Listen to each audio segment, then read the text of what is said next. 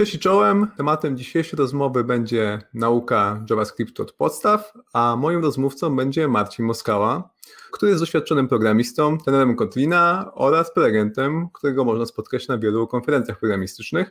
Oprócz nauki JavaScript od podstaw porozmawiamy również o tym, jak wygląda przyszłość branży IT, rozwoju w tej branży, zwłaszcza dla nowych programistów, dla osób, które dopiero się uczą oraz porozmawiamy również o dzieleniu się wiedzą, jakie powody kierują y, Marcinem przy y, takich projektach jak właśnie publikacja książki JavaScript od podstaw i też w wielu innych inicjatywach, które prowadzi. Cześć Jarek, miło Cię widzieć.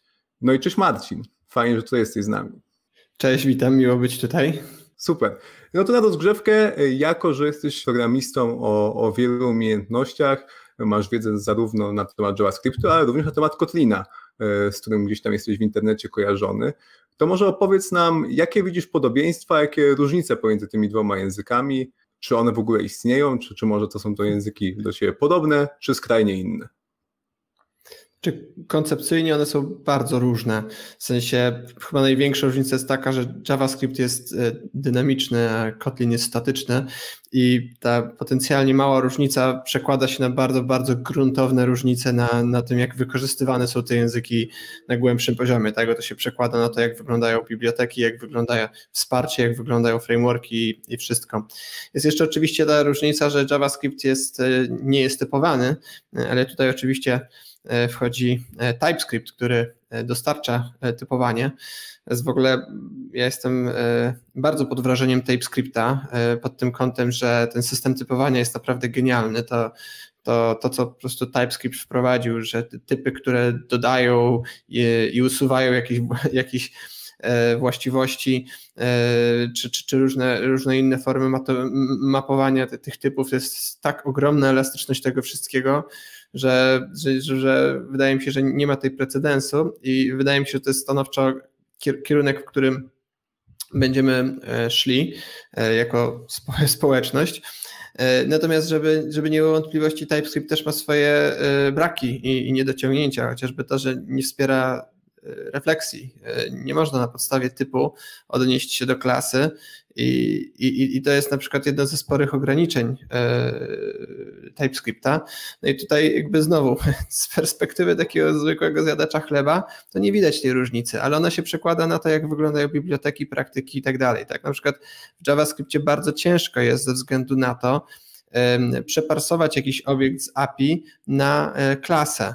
E, a w związku z tym e, no, nie, mamy, nie możemy dodawać metod, a w związku z tym zupełnie inaczej wygląda operowanie na takich obiektach. Tak? Jedni to opakowują w jakieś klasy, inni, inni operują na gołych obiektach zupełnie inaczej. A z, a z drugiej, ale z drugiej strony dynamiczność tego języka e, dostarcza nam ogrom niesamowitych rzeczy, rzeczy, które w statycznych językach są niedostępne i chociażby to, że znaczy GraphQL świetnie wykorzystuje e, możliwości tych, tych dynamicznych języków. Wiele, wiele bibliotek do e, korzystania z baz danych, e, biblioteki do testowania w JavaScriptie są naprawdę bardzo elastyczne, świetnie napisane i, i, i tutaj jest w ogromnym stopniu ta, ta dynamiczność języków wykorzystywana. Więc ja, ja bym powiedział w ten sposób, że TypeScript dostarcza nam pewnie przynajmniej z 90% tego, co nam dawały E, co nam dawały e, języki e, typowane, statyczne, a jednocześnie dostajemy cały, całą pulę funkcjonalności dynamicznej. Myślę, że to jest kierunek, w których świat się będzie przemieszczał i, i wyraźnie, wydaje mi się, że wyraźnie się w, tę, w tą stronę przemieszcza. Python też wprowadza typowanie jest bardzo podobny pod kątem tego, jak, jak wygląda, jak działa do, do, y, do JavaScripta, jak ktoś mi powie, że, że, że nie, no, oczywiście widzę różnicę i, i, w inny sposób działa i do innych zastosowań, ale na, na, na poziomie konstrukcji języka to są naprawdę podobne, naprawdę podobne języki. Natomiast to, co jest ogromnym problemem JavaScripta, największym problemem JavaScripta w mojej opinii, no to jest ogromny legacy. To jest, to jest straszny, straszny bałagan. JavaScript zaczął naprawdę słabo, łata to i prawdą jest, że można teraz tworzyć bardzo dobre programy w JavaScriptie, w TypeScriptie. Jest, i są, są narzędzia, które nas pilnują, żebyśmy wykorzystywali ten, ten, ten język dobrze. Natomiast, natomiast wciąż po prostu to, to legacy e, kopie e, i, i odbija się. I, i, i, i, tutaj moim zdaniem to jest jedna z e, istotniejszych rzeczy w, w, w Kotlinie. Kotlin jest świetnie zaprojektowanym językiem. Moim zdaniem jest po prostu wzor, wzorcowo zaprojektowanym językiem. E, do, do tego stopnia, że e, ciężko mi sobie wyobrazić język statycznie typowany z zastosowaniami takimi, jak, e, jakie ma lepiej skonstruowany niż Kotlin. Jest po prostu akademicko idealnie, wszystko pasuje do siebie i, i, i, i, tutaj, e, I tutaj Kotlin e, błyszczy. Nie? Mm, no, może taki, takie przykłady to, że na przykład wszystko w JavaScriptie jest praktycznie mutowalne. Nie? Każdą tam właściwość można e, sobie zmienić, każda, każda tablica jest, jest, jest mutowalna. To dobrzy programiści tego nie wykorzystują po prostu. Natomiast to, to jest jeden z takich przykładów rzeczy, na, którym, na której łatwo się można przejechać. Mm, więc tak, no i oczywiście e, Kotlin ma pewne funkcjonalności, którymi, e, którymi błyszczy nad JavaScriptem. No jest, jest językiem służący do innych zastosowań. Tak? No JavaScript jest, jest świetnym językiem frontendowym, jest też niezłym językiem backendowym. Kotlin w tym czasie, mm, jego ogromne przewagi we współczesnym świecie to jest po pierwsze korutyny, które są E, no, no dużo dalej rozwinięte niż to, co mamy zaoferowane w JavaScriptie. W JavaScriptie mamy async await, mamy generatory, natomiast to wciąż jest bardzo, bardzo mało względem tego, co oferują nam kotlinowe korutyny i, i, i, i dopiero teraz jakby przenika do, do, do, pozosta- do świadomości pozostałych języków pod potęga tej, tej funkcjonalności. Więcej języków implementuje, tak? No, Go ma całkiem też niezłe korutyny, a wydaje mi się, że w tym momencie Kotlin jest na, na szczycie, jeżeli chodzi o concurrency, jeżeli chodzi o wykorzystanie E, korutyn i będzie, e, e, będzie to procentowało. I drugą rzeczą jest to, że Kotlin jest językiem, który nie, nie chodzi bezpośrednio na, jest językiem kompilowanym, tak? I, i, I, w dodatku wieloplatformowym, tak? Czyli kompilowany znaczy, że jest zamieniany do innego języka. Domyślnie, znaczy domyślnie, najczęściej stosowany Kotlin jest y, zamieniany do JVM bytecode, no i jest w pełni kompatybilny z Java, zastępuje Java, tak? W projektach springowych, androidowych i tak dalej. Natomiast ten sam Kotlin może być y, kompilowany do do kodu natywnego LLVM, przy pomocy LLVM, E, no i wchodzić na iOSie e, i e, może być też w ogóle kompilowany do JavaScripta, co chyba nie jest w tym momencie popularnie wykorzystywane, ale w ten sposób Kotlin, mm, no, w ten sposób Kotlin jest językiem wieloplatformowym i, i pozwala tworzyć części wspólne, co jest naprawdę też potężną rzeczą, jeszcze, jeszcze nie wykorzystywaną tak bardzo, jakby mogła być, natomiast jest, jest, jest bardzo potężny.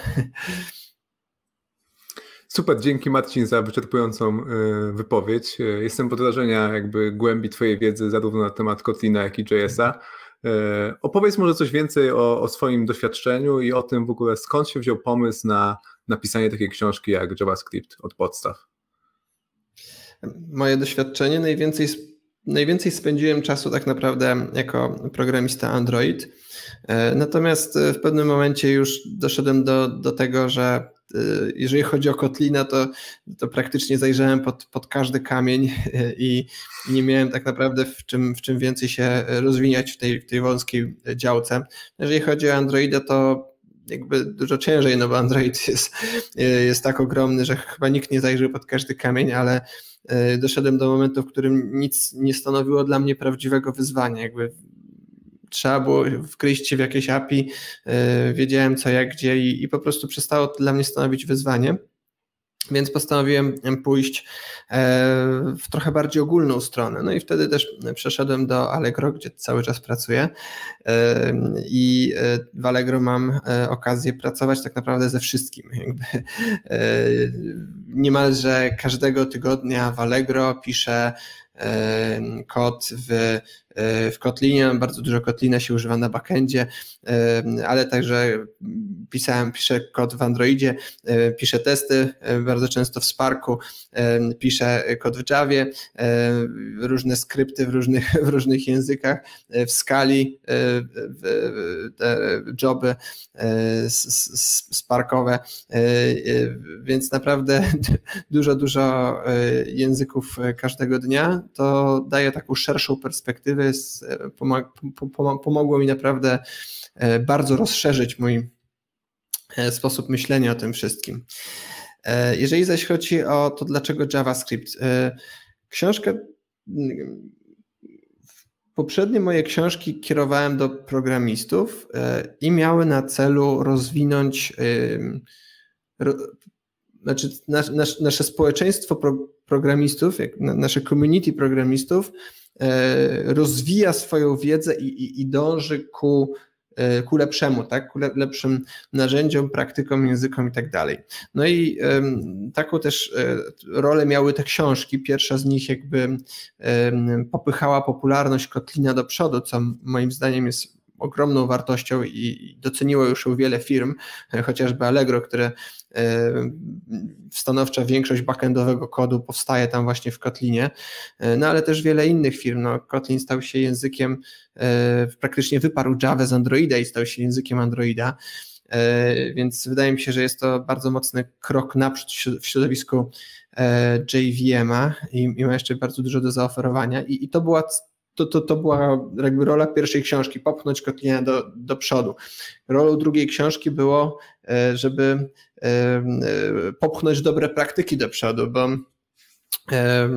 duży, duży napływ programistów, którzy nigdy nie, nie, nie otrzymali żadnej edukacji w zakresie Kotlina, tylko sobie zgadują i wymyślają, doprowadził do ogromnej ilości bardzo słabego jakościowo kodu osób, które po prostu pisały w Kotlinie tak jakby pisały e, w Javie, więc ja przez swoje szkolenia, które oferuję na KT Academy e, bardzo mocno nauczam e, właśnie tych funkcjonalności Kotlina, ale także w jaki sposób je dobrze używać, bo złe używanie ich kopnie i zaboli. I, I to była też rola drugiej książki Effective Kotlin. Chciałem tutaj wprowadzić świadomość dobrych praktyk i dlaczego są one potrzebne, no i, i rzeczywiście dużo, dużo czasu spędziłem nad tą książką.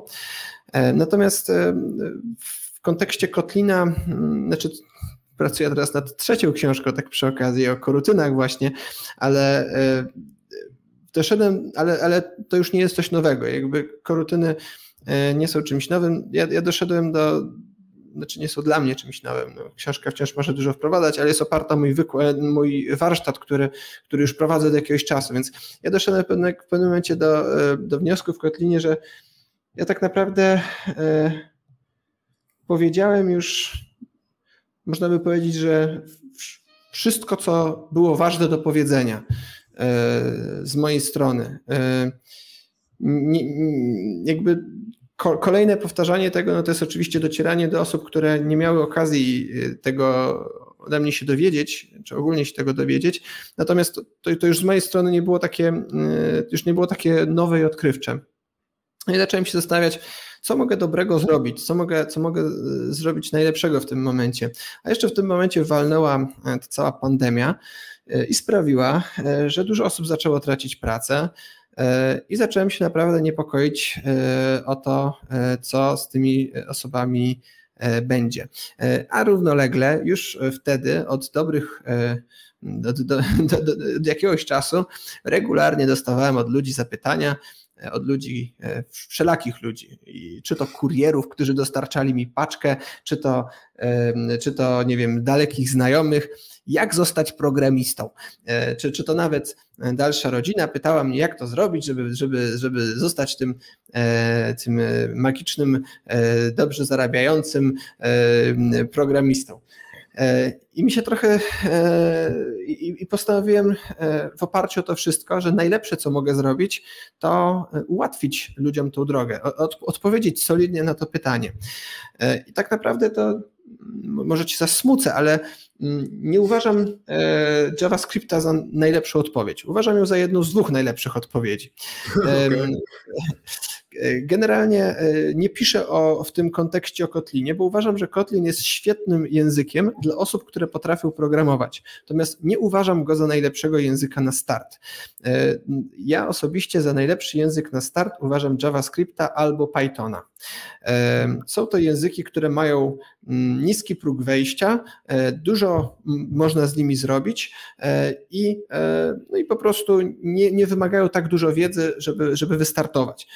Kotlin, te wszystkie fajne rzeczy, które tam są, typowanie, mm, te systemy typów, generyki, to są wszystko no oczywiście nie wszystko trzeba wiedzieć, ale generalnie to, są, to są rzeczy, które są, są super, jak, jak, już, jak już jesteś programistą i nie chcesz powtarzać tego samego w kółko i na okrągło. Ale jednocześnie są rzeczy, które jak jesteś zupełnie na początku, których się trzeba nauczyć i które podwyższają próg wejścia.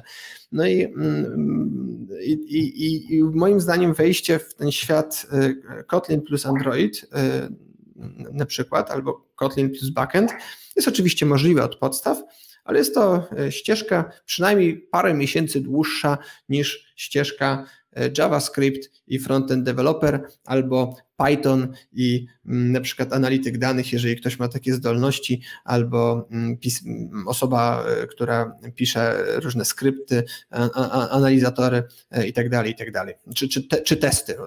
Też zarówno JavaScript, jak i Python się powszechnie wykorzystuje do, do, do testów. Więc e, dlatego doszedłem do wniosku, że to, to są dwie e, rzeczy, o których e, chciałbym napisać i, i stąd pomysł tej książki. Mm, pierwsza książka jest właśnie JavaScript od podstaw. Za niedługo zacznę projekt drugiej książki, czyli Python od podstaw.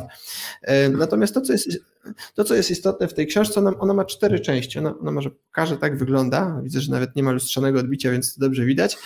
Ona ma, ona ma cztery części. Pierwsze dwa kładą e, dobre podstawy pod ten język. E, I tutaj chciałem mm, od razu nakierować osoby na dobrą ścieżkę, na ścieżkę dobrych praktyk. E, czyli na przykład nie pokazuje podwójnego równa się, znaczy pokazuje podwójne równa się tylko, po to, żeby powiedzieć, że używa się potrójnego równa się i, że, generalnie nie, nie, polecam używać podwójnego równa się, to, to dopóki nie jesteś naprawdę zaawansowanym programistą, mm, nie polecam wnikać w ten temat, po prostu e, używać potrójnego równa się tak jak w chyba wszystkich projektach JavaScriptowych, jakich byłem, e, się robiło. E, nie polecam używać var, no bo przecież współcześnie e, raczej należy używać const e, i let. Więc mm, e, na przykład pokazuje w jaki sposób zmienne dobrze zrozumieć, w sensie wiele osób tłumaczy zmienną jako takie pudełko, do, której, do którego coś wsadza. To jest, to jest fatalna metafora, bo bardzo szybko ludzie się na niej przejeżdżają. Jest ten stary problem, który zresztą pokazuje w książce, jeżeli mamy zmienną a równą 10, zmienną b równą a, no i A równa się 20, no ile jest wtedy równe B? No i jeżeli ludzie myślą o zmiennych jako pudełku, no to powiedzą, że B zawiera A, A, A zawiera 20, no to 20. A to nie jest prawda, no bo to jest 10. Mm, I, i to jest, e, ja tutaj e, od początku przedstawiam e, zmienny jako, jako wskaźnik tak naprawdę, czyli to, czym tak naprawdę są, czyli jako, jako taki jako numerek wskazujący, w której szafce znajduje się coś, e, w której szafce znajduje się wartość albo bilet parkingowy wskazujący, gdzie znajduje się samochód. E, więc staram się od razu dać, wydawać pod, dobre podwaliny. Ja tutaj też tłumaczę to, co moim zdaniem jest, jest ważne. Na przykład nie tłumaczę break i continue, bo przeszukałem naprawdę sporo projektów profesjonalnych, w których brałem udział i nie znalazłem ani jednego użycia, ani break, ani continue. Po prostu no nie używa się ich prawie we współczesnych projektach, ale za to e, tłumaczę e, funkcje e, wyższego rzędu, tłumaczę czym jest map, czym jest for each i pokazuję dokładnie, jak można je samemu zaimplementować. Tak, tłumaczę funkcje strzałkowe, no bo to są rzeczy praktyczne i, i dlatego je umieszczam. E, część trzecia jest taka, żeby pokazać, że można coś samemu zrobić. E, piszemy razem grę, czyli krok po kroku, e, czytelnik podążając za moimi instrukcjami pisze grę. No i część czwarta jest tak naprawdę kluczowa, bo w części czwartej pokazuje ogrom, czego, co można robić w JavaScriptie, żeby pokazać, że słuchaj, masz już wiedzę, teraz możesz się z nią bawić, ale to nie jest tylko pisanie stron, ty możesz pisać Możesz pisać boty, możesz pisać skrypty do Google Sheeta, możesz, możesz pisać, oprogramować roboty. Daję tam chyba 11 czy 12 zastosowań e, JavaScripta, które już, już w tym momencie, e, z którymi już w tym momencie hobbystycznie czytelnik może zacząć się bawić. A potem e, pokazuję E, w jaki sposób szukać wiedzy, w jaki sposób szukać darmowych kursów w internecie, jakie są możliwości nauki, że na przykład są gry programistyczne, że na przykład są e, aplikacje na telefon do nauki programowania, e, więc takie różne rzeczy. Pokazuję tam też jest bardzo króciutki rozdziałik o tym, jak zostać programistą, czyli tam ten plan w siedmiu krokach.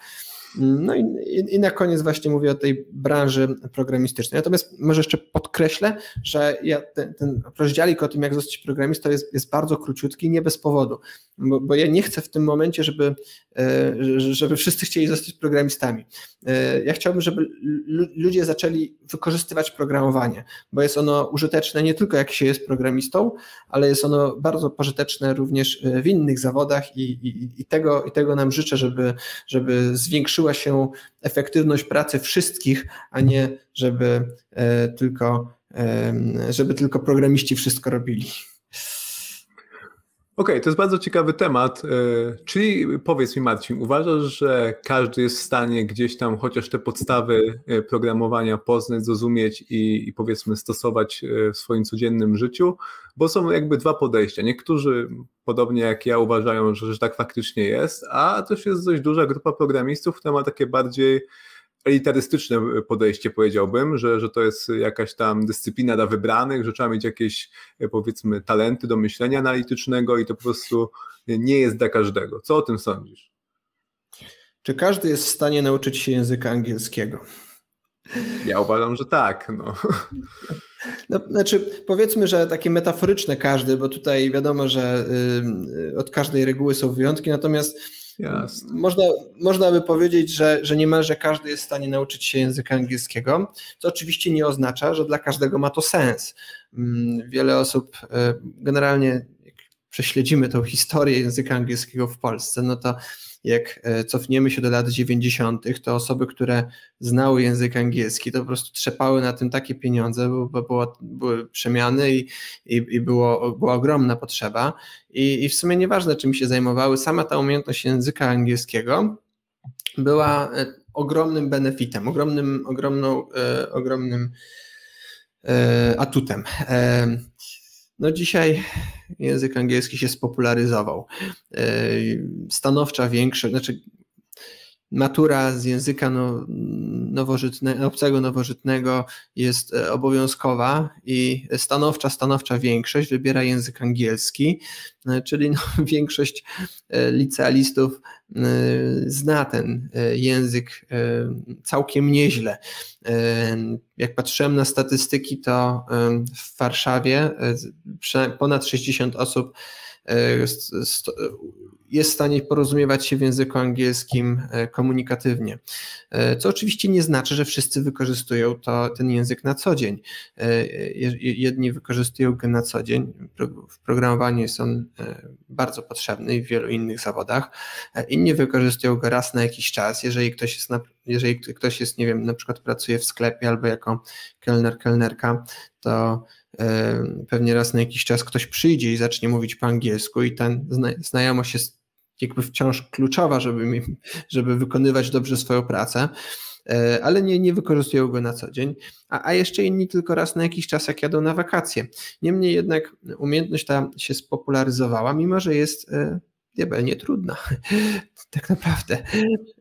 Tu są takie dywagacje, co jest trudniejsze, czy, czy, czy, czy programowanie, czy, czy nauka obcego języka. Szczerze mówiąc, wydaje mi się, że, że nie ma na to jednej odpowiedzi. Ja wiem, że większość osób by powiedziała, że trudniejsze jest programowanie, bo programowanie wydaje się czymś bardzo obcym i, i, i nie mamy takiego systemu wsparcia w tym momencie, tak? Nie, po angielsku gada się od dziecka, uczy się od dziecka, e, inni ludzie mówią, więc, więc mogą przekazywać tą wiedzę. Jeszcze jest daleka droga, żeby programowanie takie było, natomiast programowanie takie się staje. Programowanie już teraz przestało być umiejętnością elitarną, już dawno przestało być umiejętnością elitarną. W tym momencie jest w Polsce ponad 300 tysięcy programistów e, profesjonalnych. 300 tysięcy to jest dużo osób. W, są oczywiście skupieni w miastach. Ostatnio patrzyłem na statystyki i wygląda na to, że w Warszawie 5% osób pracujących to są e, programiści. 5%, 5% osób pracujących jest dużo. W Krakowie zresztą nie wiem, jakie są dokładne statystyki, bo tam ciężko jest ustalić, jaka jest liczba pracujących e, dokładnie, bo tam ten GUS albo nie uwzględnia osób na czarno, albo nie uwzględnia osób z małych firm, więc już nie bawiłem się w szacunki, natomiast wygląda na to, że w Krakowie jest to nawet większy procent i w wielu innych miastach również więc to jest, to jest naprawdę, naprawdę dużo osób. W dodatku większość z nich to są osoby młode, tak? Większość z nich to są osoby no. między. Jestem. Wszystko, Przepraszam cię. Wszystko. Nie ma problemu.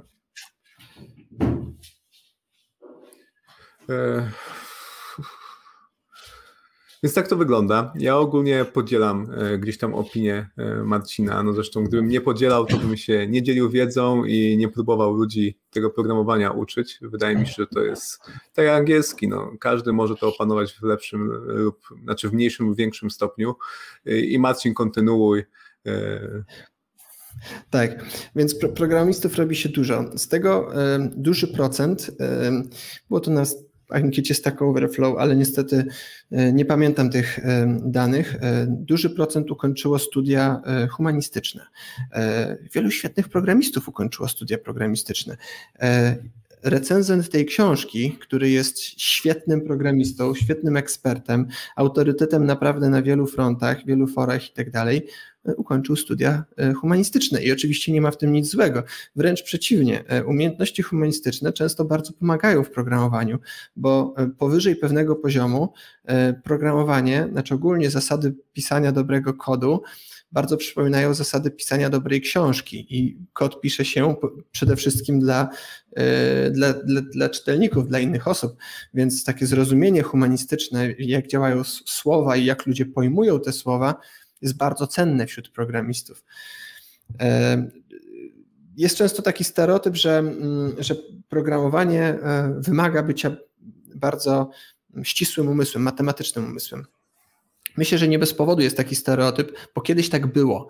E, kiedy, kiedy byliśmy, kiedy byłem mały, programista musiał doskonale rozumieć, jak działa pamięć, jak działa procesor, musiał, musiał po prostu rozumieć dużo technicznych, niskopoziomowych rzeczy.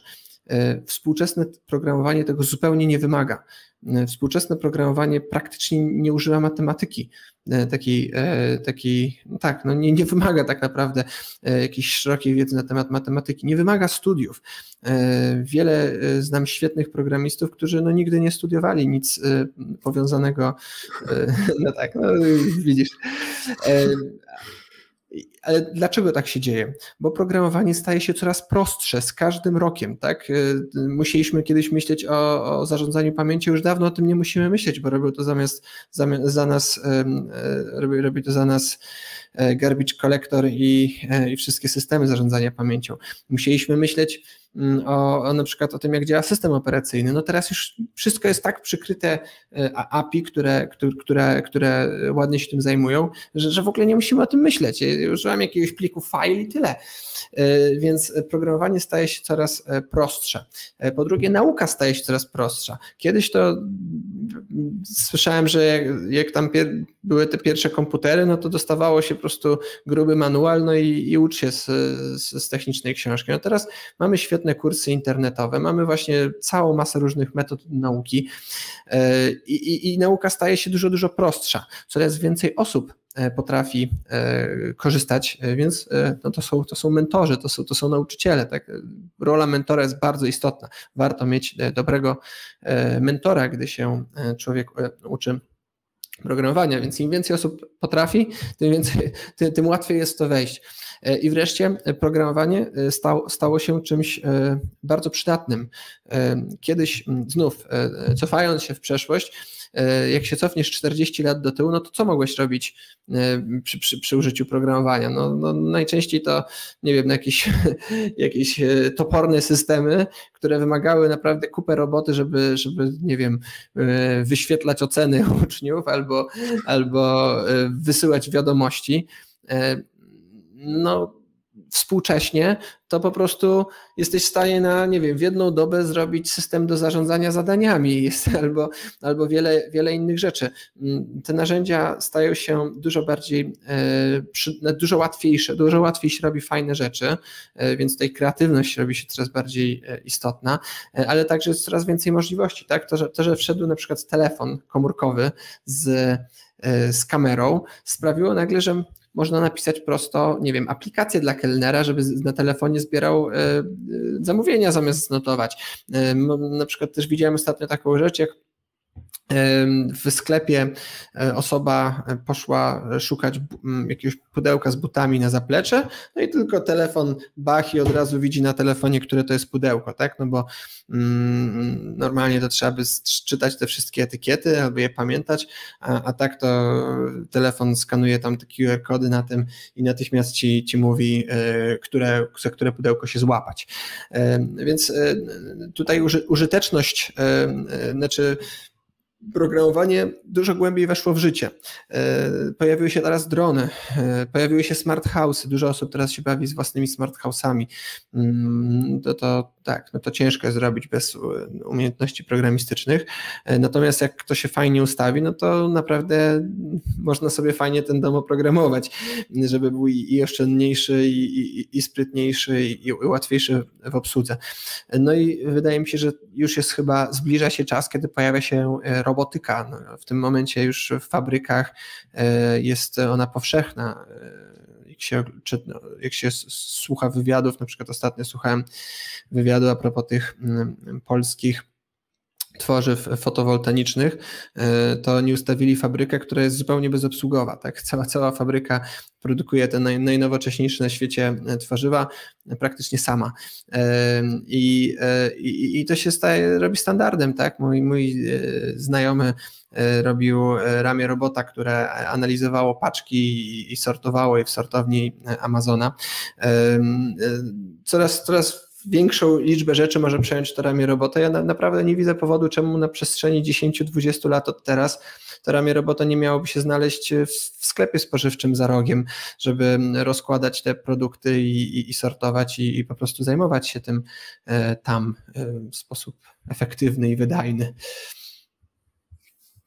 E, a powiedz mi Marcin, no bo e, z tego co mówisz, no to e, jakby programowanie jest coraz prostsze, dostęp do wiedzy jest coraz szerszy. Czy to nie jest trochę tak, że jesteśmy na końcówce lat tych 90., tak jak to wyglądało z językiem angielskim, I, a jeżeli tak, to co to znaczy? W sensie, czy, czy za 10-15 lat już programiści nie będą tak fajnie zarabiali, albo czy w ogóle już może tej pracy nie będzie tak dużo? Jak to, jak to gdzieś tam widzisz, tą, tą przyszłość taką dalszą?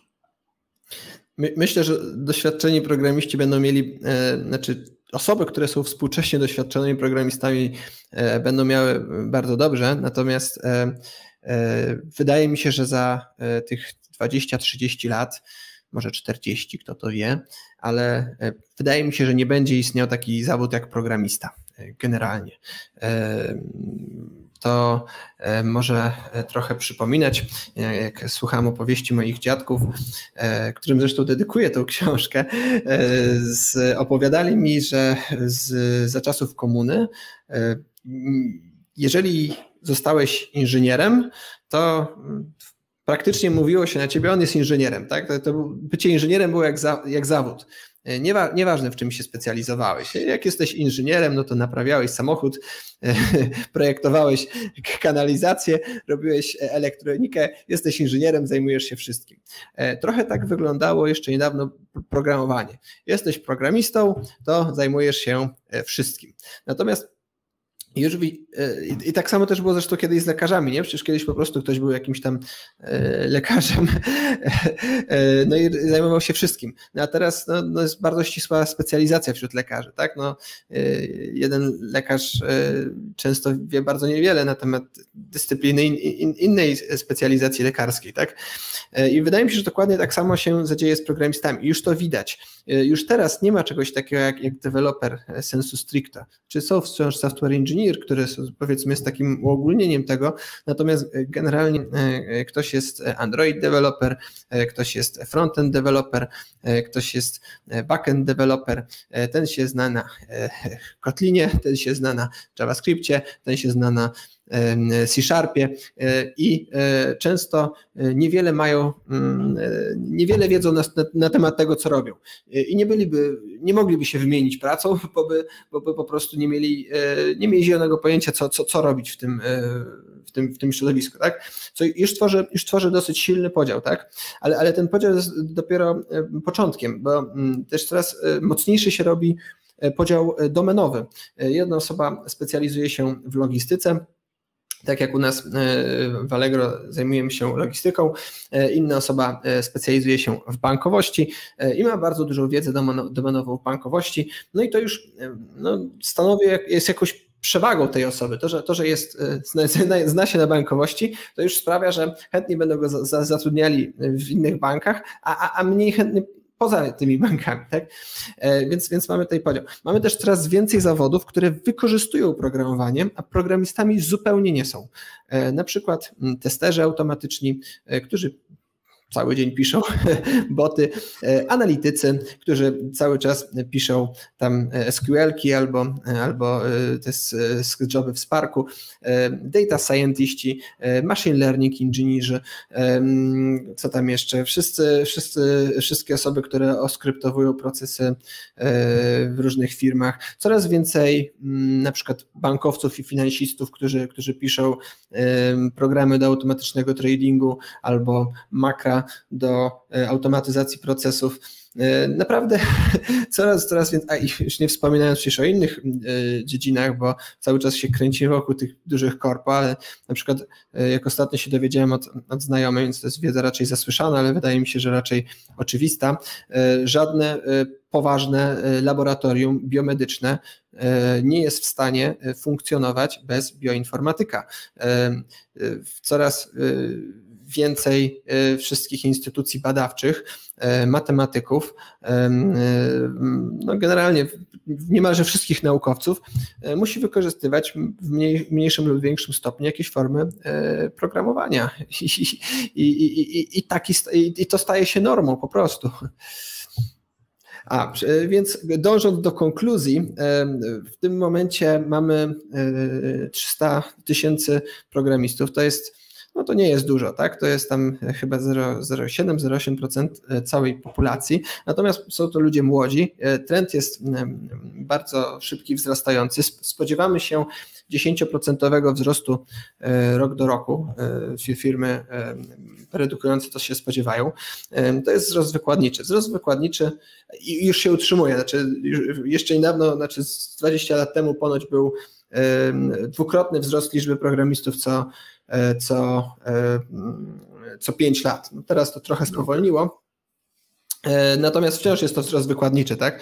Mm, więc nawet jeżeli on by spowolnił, na przykład byłoby to dwukrotny wzrost co 10 lat, no to, no to za 10 lat z tego procenta nam się niespełna nam się robi 2%, potem 4, potem, potem 8 i tak dalej, nie? A wśród młodych to jak już teraz wśród młodych mniej więcej z 20% E, osób pracujących w Warszawie w wieku tam 25-30 lat to są, to są programiści, no to plus razy dwa, razy dwa, razy dwa, no to zaraz no, się okazuje, że niemalże wszyscy musieli być programistami.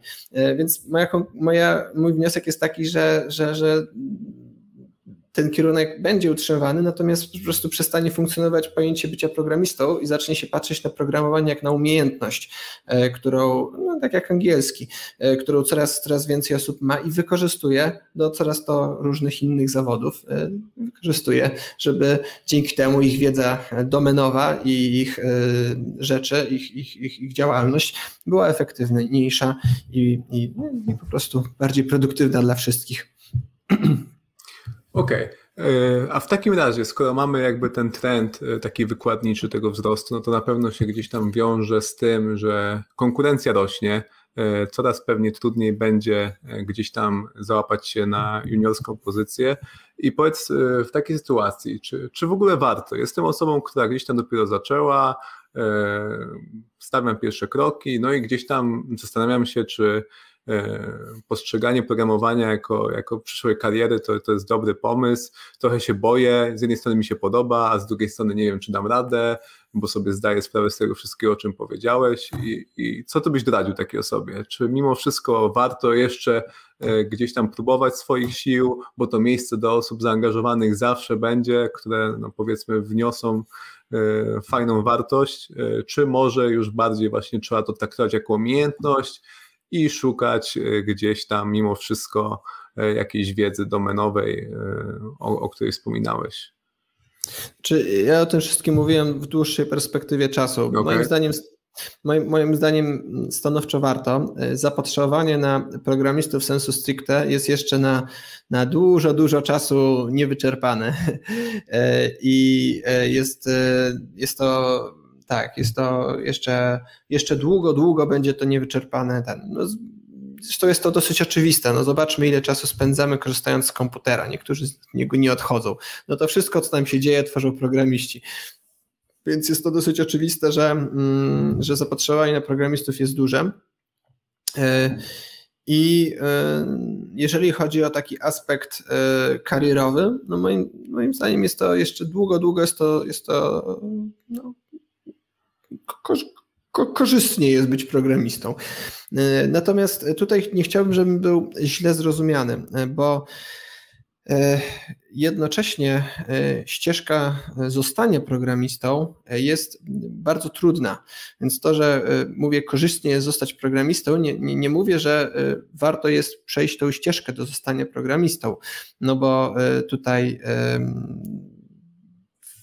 żeby przejść na tą drogę, to nie jest tak, że yy, postawiamy sobie, że jutro jesteśmy programistami i, i tworzymy programy, tylko no, wymaga to ogromnej, ogromnej ilości czasu e, spędzonego, żeby, żeby no, no, na tą ścieżkę wejść. E, I tutaj mm, wbrew pozorom samo, samo nauczenie się programowania to nie jest aż taki duży problem, e, paradoksalnie. Ja tutaj listuję, że mm, jeżeli na przykład ktoś chce zostać frontend deweloperem, no to powinien znać JavaScripta, no powinien też znać HTML-a, CSS-a, powinien wiedzieć, co to jest, e, jak działa REST, jak działa HTML, o co w ogóle chodzi z tymi serwerami, e, mniej więcej jak działa przeglądarka, e, znać to wszystko naprawdę dobrze. Powinien oczywiście znać jakiś framework, nie wiem, na przykład React, Angular albo Vue i powinien to wszystko znać naprawdę, naprawdę solidnie, tak? Zrobić z trzy, przynajmniej trzy porządne projekty wykorzystujące E, ten framework, to, mm, to narzędzie, a powinien znać oczywiście Gita, podstawy konsoli, no jakby sama, sama zdolność programowania to jest tylko jakiś fragment ścieżki na, na, na, na drodze zostania programistą. Mm, może, może, nie wiem, rzucę taką liczbę, że powiedzmy, że 30%, tak? Wciąż jeszcze, jeszcze pozostaje e, bardzo dużo e, do nauki. E, jest to długa i trudna ścieżka. Widziałem osoby, które przez nią przechodziły, były w stanie to zrobić. To nie jest tak, że to nie jest możliwe. Osoby, które nie miały nic wspólnego z programowaniem ani z rzeczami technicznymi, moi znajomi, e, gdy zabrali się na to naprawdę solidnie, naprawdę solidnie, e, były w stanie pokonać tą ścieżkę mniej więcej e, w 9 do 12 miesięcy. Tak? No ale zaznaczam, to jest, to, jest, to jest 9 do 12 miesięcy niemalże wycięty z życia, tak, potężnych e, wyrzeczeń, no bo e, niemalże każdą wolną chwilę spędzali na, na tą naukę programowania. No, no ostatecznie, ostatecznie były, byli szczęśliwi, E, z tego, co dokonali, bo to jest ogromne dokonanie, tak? E, to, to, to nie jest tak, że to jest proste, tak? To, to jest e, ogromne dokonanie, nie wiem, niczym przebiegnięcie ultramaratonu albo nauka języka obcego, więc na pewno powinni być, znaczy są dumni z tego i jest to zrozumiałe, natomiast jednocześnie no, trzeba, trzeba, trzeba sobie zdawać sprawę z tego, jak, jak, jak, to, jak to jest trudna ścieżka, więc moja recepta, jeżeli ja, ja, ja mogę coś zasugerować, sugerować.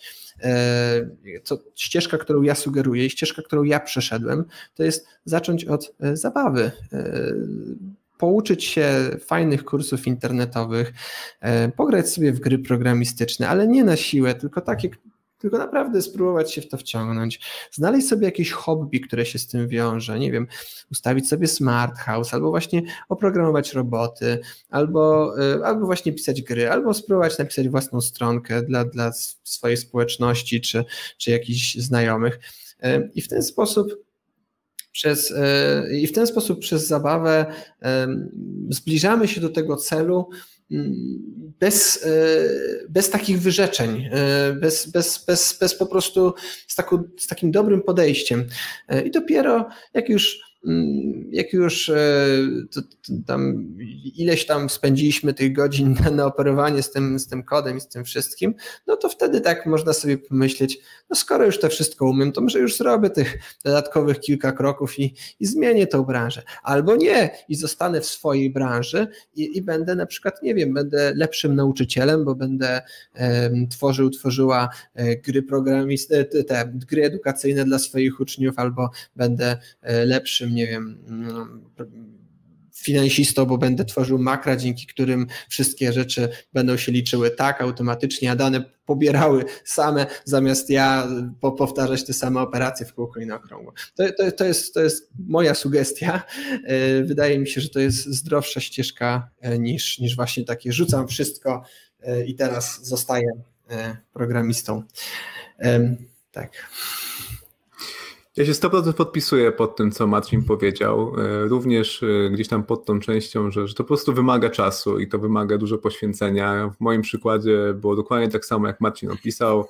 Rok tak naprawdę wyjęty z życia, cały czas wolny, przeznaczony tylko na to. E, no i również nauka poprzez praktykę i jeszcze taką praktykę, która sprawia nam przyjemność, to na pewno jest ruch świetną stronę. powiedz mi Marcin, czy masz jeszcze jakieś sugestie związane z skuteczną nauką, czy masz jakieś triki, E, jak do tego podejść, czy, czy to są takie dwa klucze Twoim zdaniem, po prostu, żeby robić rzeczy i robić rzeczy, które sprawiają nam przyjemność.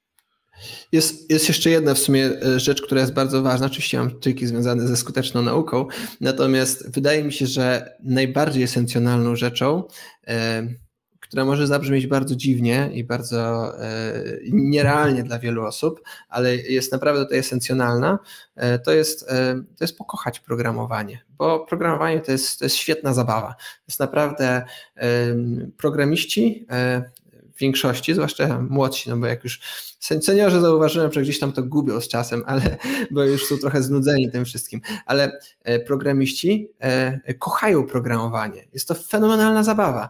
E, jest to niczym, niczym gra. Dostajesz jakieś, jakieś, jakieś wyzwanie i zastanawiasz się, jak je rozpracować, jak, jak, jak taka łamigłówka.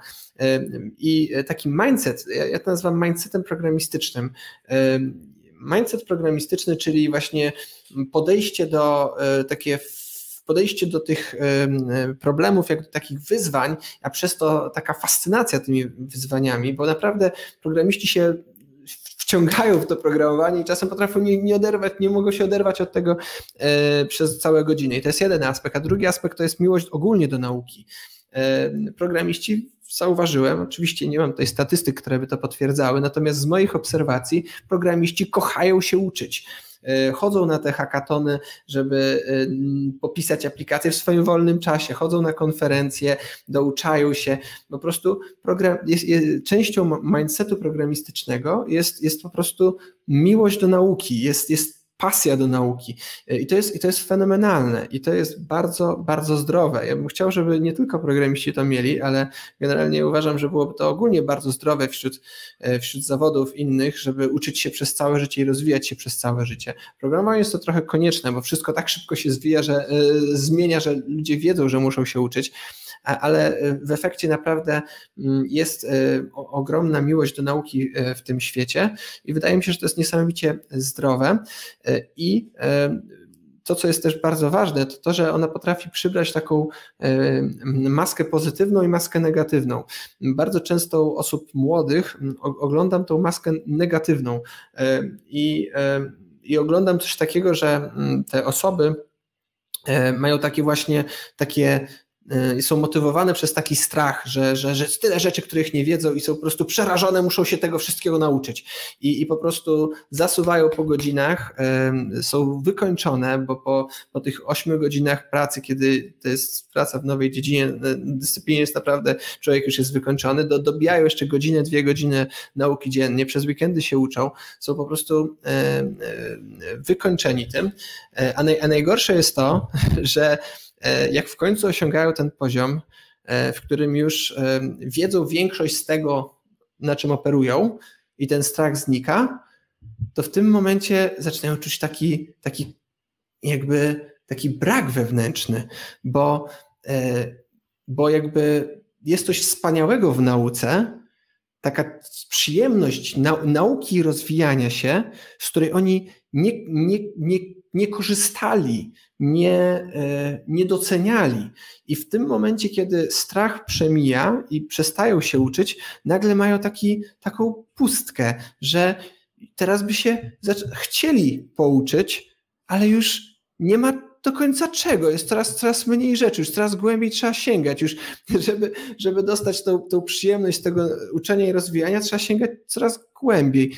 Więc dużo zdrowszym podejściem, do którego zawsze zachęcam, jest e, podejście e, właśnie e, rozkoszowania się tą nauką i, i doceniania tego czasu na naukę, takiego, takiej motywacji przez, przez, przez, przez pasję, a nie przez strach. I tutaj wydaje mi się bardzo istotna jest taka metafora góry, że gdy ktoś się wspina na górę, jest, jest alpinistą albo po prostu lubi się wspinać na górę. Jeżeli ta osoba by przez całą drogę powtarzała sobie, że yy, cholera cały czas jeszcze tak daleko do góry, dlaczego nie mogę być na szczycie, dlaczego nie mogę być na szczycie, to by nie miała z tego żadnej przyjemności. A gdy już znajdzie się na tym szczycie, no to no to przecież ile będzie siedziała na tym, czy, czy, czy, czy przechodzi, czy, czy, czy przeżywa e, przyjemność z bycia na szczycie? No nie, no już myśli o następnym szczycie bo przyjemnością nie jest e, bycie na szczycie, przyjemnością jest wchodzenie na ten szczyt. I tak samo e, z, z, poznawaniem e, wiedzy warto czerpać tą przyjemność z uczenia się i rozwijania i zbliżania się do tego celu, a nie po prostu katować się biczować, co wiecznie widzę u, u, u osób początkujących, że katują i biczują się, że jeszcze na tym szczycie nie są. No. Rozumiem. Ja powiem szczerze, że byłem taką osobą, e, w sensie miałem dużo tych cech, o których wspominałeś, że, że gdzieś tam strasznie się spinałem na początku, strasznie się biczowałem e, i, gdzieś tam po prostu tylko szybciej, bo, bo gdzieś tam ta meta musi, musi być. E, I, I faktycznie, tak z perspektywy czasu, uważam, że to nie było potrzebne.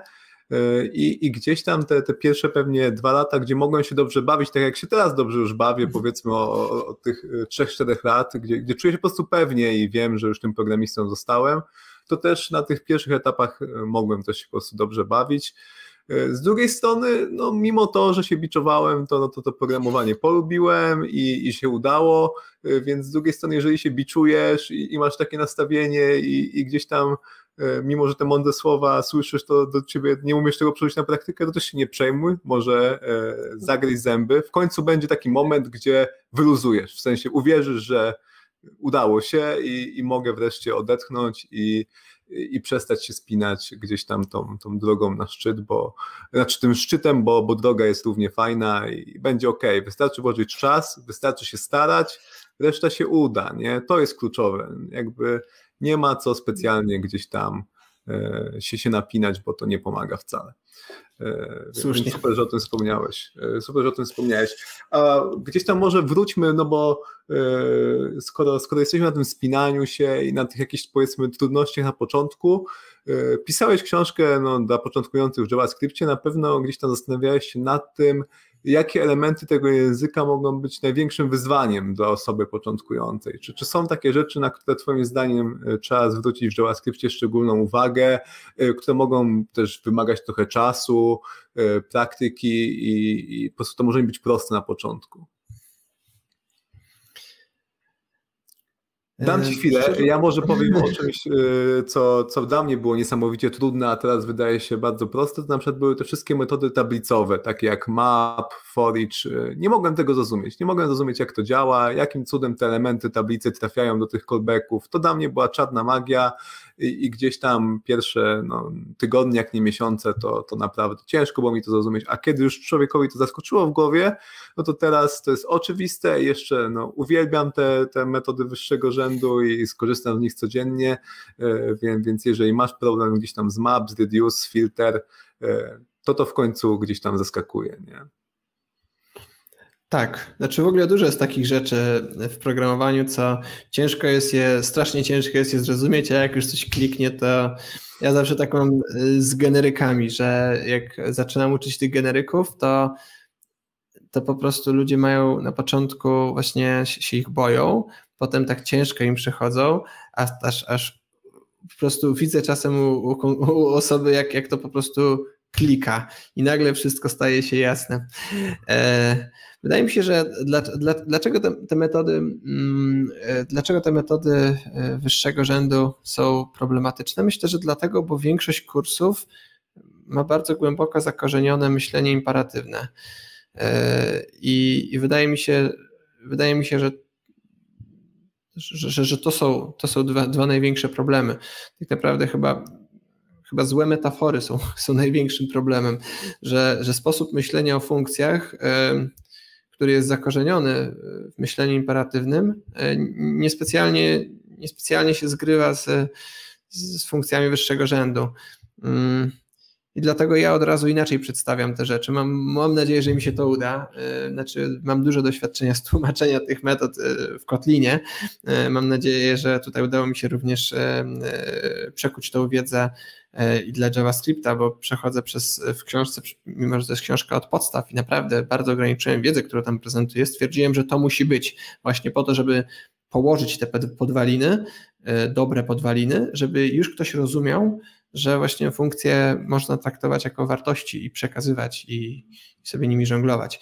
I, i wyjaśniam i pokazuję właśnie, jak, jak na, najpierw zaczynam, jak, jak wyjaśniam te metody, to najpierw zaczynam no dobra, to mamy taki wzorzec, który jest powtarzalny, jakim jest tam robienie czegoś dla wszystkich elementów tablicy, no to co, w jaki sposób moglibyśmy to wydzielić, jeżeli byśmy po prostu chcieli, nie? No i pokazuje część wspólną dla wszystkich wzorców, no i pokazuje części zmienne. Na części zmienne to oczywiście są argumenty, które są składowane w, w parametrach, no i, i, implementujemy to i, i, i, analizujemy to, dobra, jak to działa na, na kilka sposobów.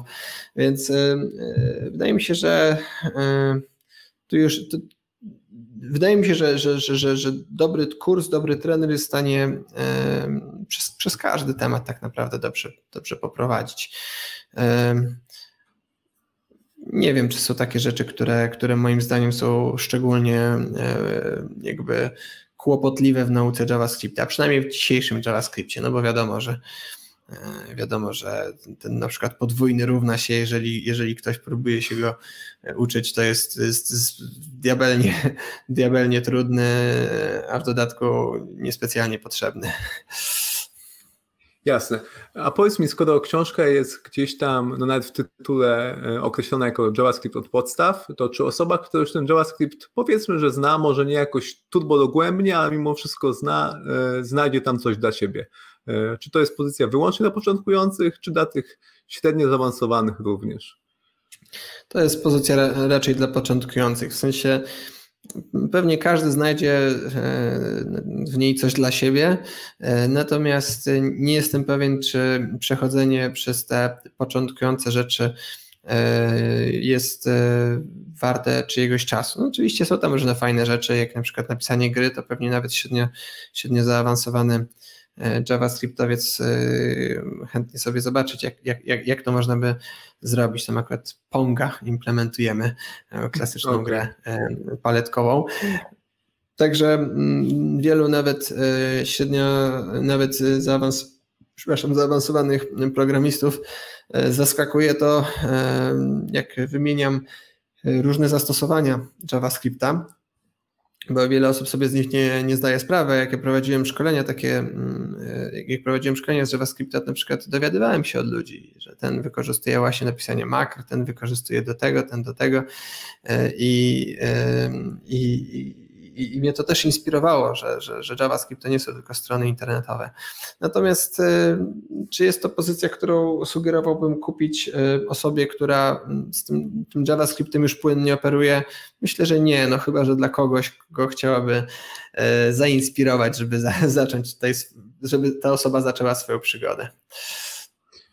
Okej, okay, a powiedz mi, no skoro chcesz trafić z tą książką przede wszystkim do początkujących, to czy jesteś w stanie gdzieś zdradzić jakieś swoje plany co do promocji tej książki? Jak chcesz e, zadbać o to, żeby jak najwięcej osób się z tą książką zapoznało? Wiesz co, nie, nie, wiem, czy to jest, nie wiem, czy to jest kwestia promocji tej książki, bo e, jakby sama, sama książka tak naprawdę została napisana nie pod formę sprzedażową. Ona, ona nie, nie ma zarabiać, nie miała zarabiać pieniędzy. E, oczywiście, jeżeli ktoś chce mieć ją tam na, na półce albo przeczytać w e-booku, to, to jest forma, e, jest forma e, do kupienia albo książki fizycznej, albo książki w e-booku. Natomiast mamy taki plan, o którym pewnie będziemy mówili trochę więcej, więc jest jeszcze owiany lekko tajemnicą, więc tutaj E, zdradzę tylko e, pokrótce, e, że ta książka została napisana z myślą o takim projekcie podawania jej dalej. Mianowicie mam taki drugi wariant książki, może pierwszy, bo to była jego i pierwsza myśl, żeby ma, ma taką etykietę podaj dalej, ma też etykietę z tyłu, ma instrukcję z tyłu. Jest tą formułą eksperymentowałem już od jakiegoś czasu. E, ta instrukcja mówi, że jest to książka typu podaj dalej, co oznacza, że nie ma prawa zalegać na żadnej półce. Przeczytaj lub nie, po czym przekaż ją następnej osobie. Zaznacz przy tym, że jest to książka typu podaj dalej, by również ona podała ją następnej osobie. Czyli jest to e, format książki, który chciałbym, żeby krążył wśród ludzi. Też eksperymentowałem z tą formułą, e, kupowałem książki, które moim zdaniem są wartościowe, doklejałem do nich taką etykietę i rozsyłałem wśród znajomych. E, I potem ustalałem, jaką one tam ścieżkę przechodziły. I rzeczywiście widziałem, że przechodziły wśród wśród tych ludzi.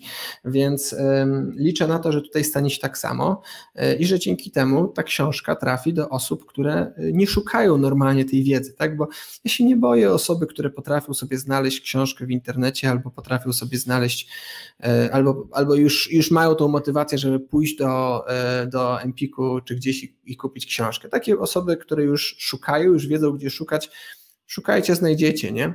Natomiast ja chciałbym e, zainspirować osoby, e, które, mm, które nie potrafią się przełamać, które, które nie potrafią postawić tego pierwszego kroku. To jest właśnie książka dla nich. To jest książka, która e, jest prosta, przyjemna, ma uczyć, bawić i, i ma pomóc postawić ten pierwszy krok i, i, i, pokierować, w jaki sposób można postawić następne kroki.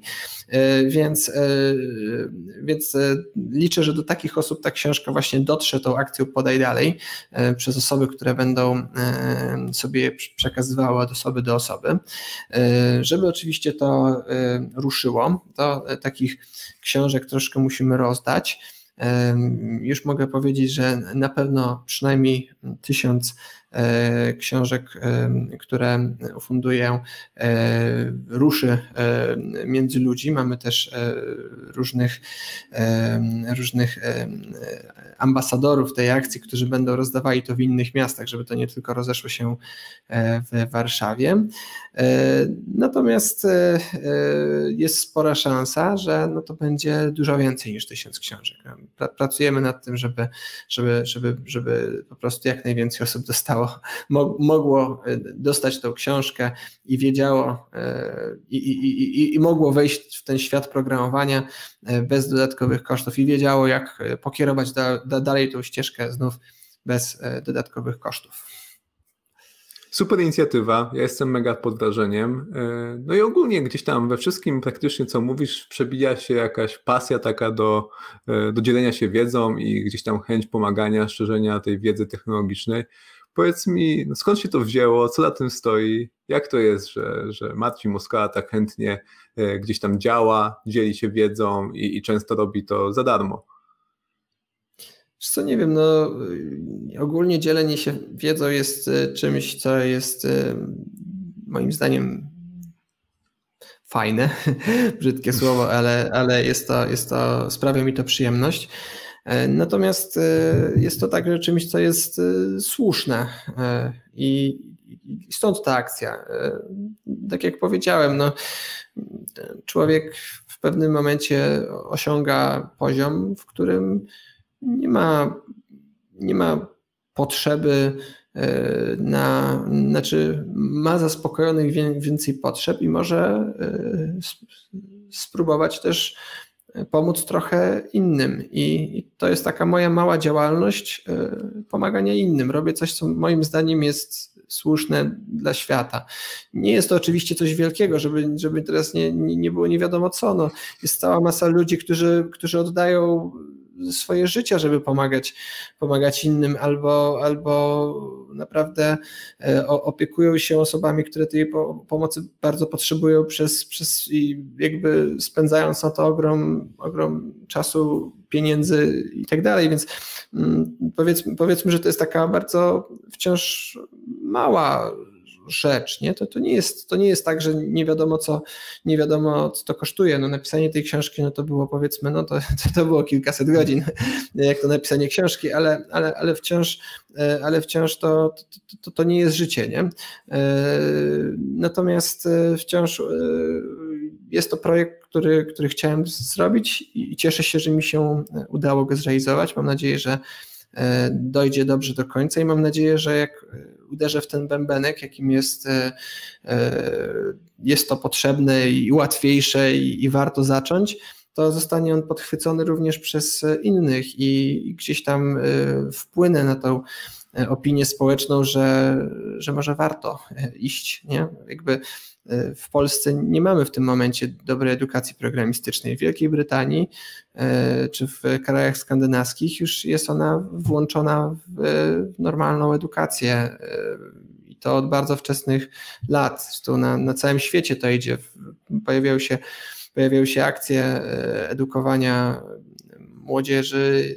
Ludzie, jakby świat wie, że to jest przyszłość, więc a, a, a, a w Polsce jest jeszcze z tym powiedzmy, że nie najlepiej. Liczę na to, że liczę na to, że gdzieś tam uda się uderzyć w ten bębenek, dzięki czemu y, potem już następne osoby y, przejmą pałeczkę i, y, gdzieś tam uda nam się ten nasz kraj skierować w stronę przyszłości, skierować w stronę, w którym mniej osób jest wykluczona i, i więcej osób może korzystać z tych cennych umiejętności. Super, świetna misja. Trzymam kciuki. E, no i zresztą też będę gdzieś tam działał, aby się zrealizowała może e, w innych miejscach, w inne sposoby, ale no gdzieś tam na pewno ta misja nas łączy. Też, też uważam, że fajnie by było, gdyby ludzie się rozwijali może niekoniecznie technologicznie, ale też czytali książki i tak dalej, i tak dalej. Ale powiedz mi Marcin, no bo teraz jesteś doświadczonym e, programistą, jesteś e, doświadczoną osobą w zakresie dzielenia się wiedzą, a jak to wszystko się zaczęło? No przede wszystkim właśnie gdzieś tam w kontekście tego dzielenia się wiedzą. Jak stawiałeś swoje pierwsze kroki, kiedy, jak, jak byłeś doświadczony, jak to wyglądało? Historia dzielenia się wiedzą. Mógłbym jeszcze sięgnąć, mógłbym sięgnąć do gimnazjum, gdzie pomagałem kolegom. Nie no, jeżeli chodzi o programowanie, szczerze mówiąc, chyba zaczęło się od tego, że pojechałem na taką konferencję. Nazywała się, zdaje się, e, Polyconf. To była dla poliglotów, czyli o wielu różnych językach programowania. E, I gdzieś tam mnie to strasznie zainspirowało. Stwierdziłem, że e, chciałbym również zostać speakerem i mówić o ciekawych rzeczach, inspirować w ogóle. Jednocześnie był to czas, no, kiedy już używałem Kotlina jako jeden, czy jako bardzo niewiele osób w Polsce używało, powiedzmy, że e, jako e, pionier e, w naszym kraju. I gdzieś tam chciałem tworzyć, pisać na ten temat. I pierwsze, pierwsze prezentacje robiłem w firmie. Mm, potem gdzieś tam na meetingach programistycznych. E, pisałem artykuły cały czas, bardzo dużo pisałem artykułów. Pisałem artykuły na, na bloga, pisałem artykuły na różne inne portale, pisałem też artykuły do magazynów. Chyba dwa moje artykuły się pojawiły w programiście. E, I gdzieś tam postanowiłem wtedy też napisać moją pierwszą książkę. I rzeczywiście ta pierwsza książka, e, ona się nieźle przyjęła i pomogła nam wejść mi i współautorowi pomogła nam rzeczywiście wejść do tego świata. Jak, jak, ją, jak ona e, poszła, to tak naprawdę otworzyły się e, duże konferencje, drzwi do dużych konferencji na oścież. Praktycznie wszędzie, wszędzie, gdzie się zgłaszałem, to jakieś moje prezentacje były przyjmowane, a był to, byłem jednym z niewielu osób, które mówiły o Kotlinie, więc to też bardzo mocno pomagało. No i gdzieś tam w, przy, miałem ten etap y, trochę zachłyśnięcia się tym, kiedy y, na, zacząłem nabierać tych y, konferencji ogrom, bardzo, bardzo dużo. Jeździłem niemalże od konferencji do konferencji. Gdzieś tam zaczęło to, gdzieś tam zacząłem też prowadzić szkolenia i tych szkoleń miałem coraz więcej. To był, to był tak naprawdę rok to był tak naprawdę rok 2019, kiedy cały praktycznie rok, no, z początkiem roku e, przestałem e, pracować w firmie, w której, w której wcześniej pracowałem i przez cały rok praktycznie jak, jak głupi jeździłem między konferencjami, szkoleniami, było tego naprawdę, naprawdę strasznie, strasznie dużo. E, I gdzieś pod koniec tego roku, a i w tym roku też ja pisałem książkę Effective Kotlin w większości. No i w tym roku postanowiłem, i pod koniec tego roku byłem już naprawdę tym wykończony. Byłem po prostu zdewastowany tymi podróżami. Prowadzenie szkoleń jest bardzo męczące, naprawdę e, ten, ten, ten dzień poświęcony na, na prowadzenie szkolenia jest bardzo, bardzo angażujący. I stwierdziłem, że muszę e, znaleźć tutaj balans i też, e, że nie chcę stracić kontaktu z branżą, więc e, postanowiłem ograniczyć zarówno jedno, jak i drugie. No i przyszedłem właśnie do Allegro, gdzie, gdzie jestem do dziś. Ograniczyłem, ograniczyłem liczbę prowadzonych szkoleń ograniczyłem liczbę prowadzonych szkoleń, ograniczyłem liczbę prowadzonych y, konferencji. Zresztą miałem z tym bardzo duży fart, bo dołączyłem do Allegro 1 stycznia 2020 roku, e, czyli zaraz przed tym, jak wybuchła pandemia. E, no i oczywiście przez jakiś czas przygasły wszystkie, wszystkie konferencje i e, szkolenia.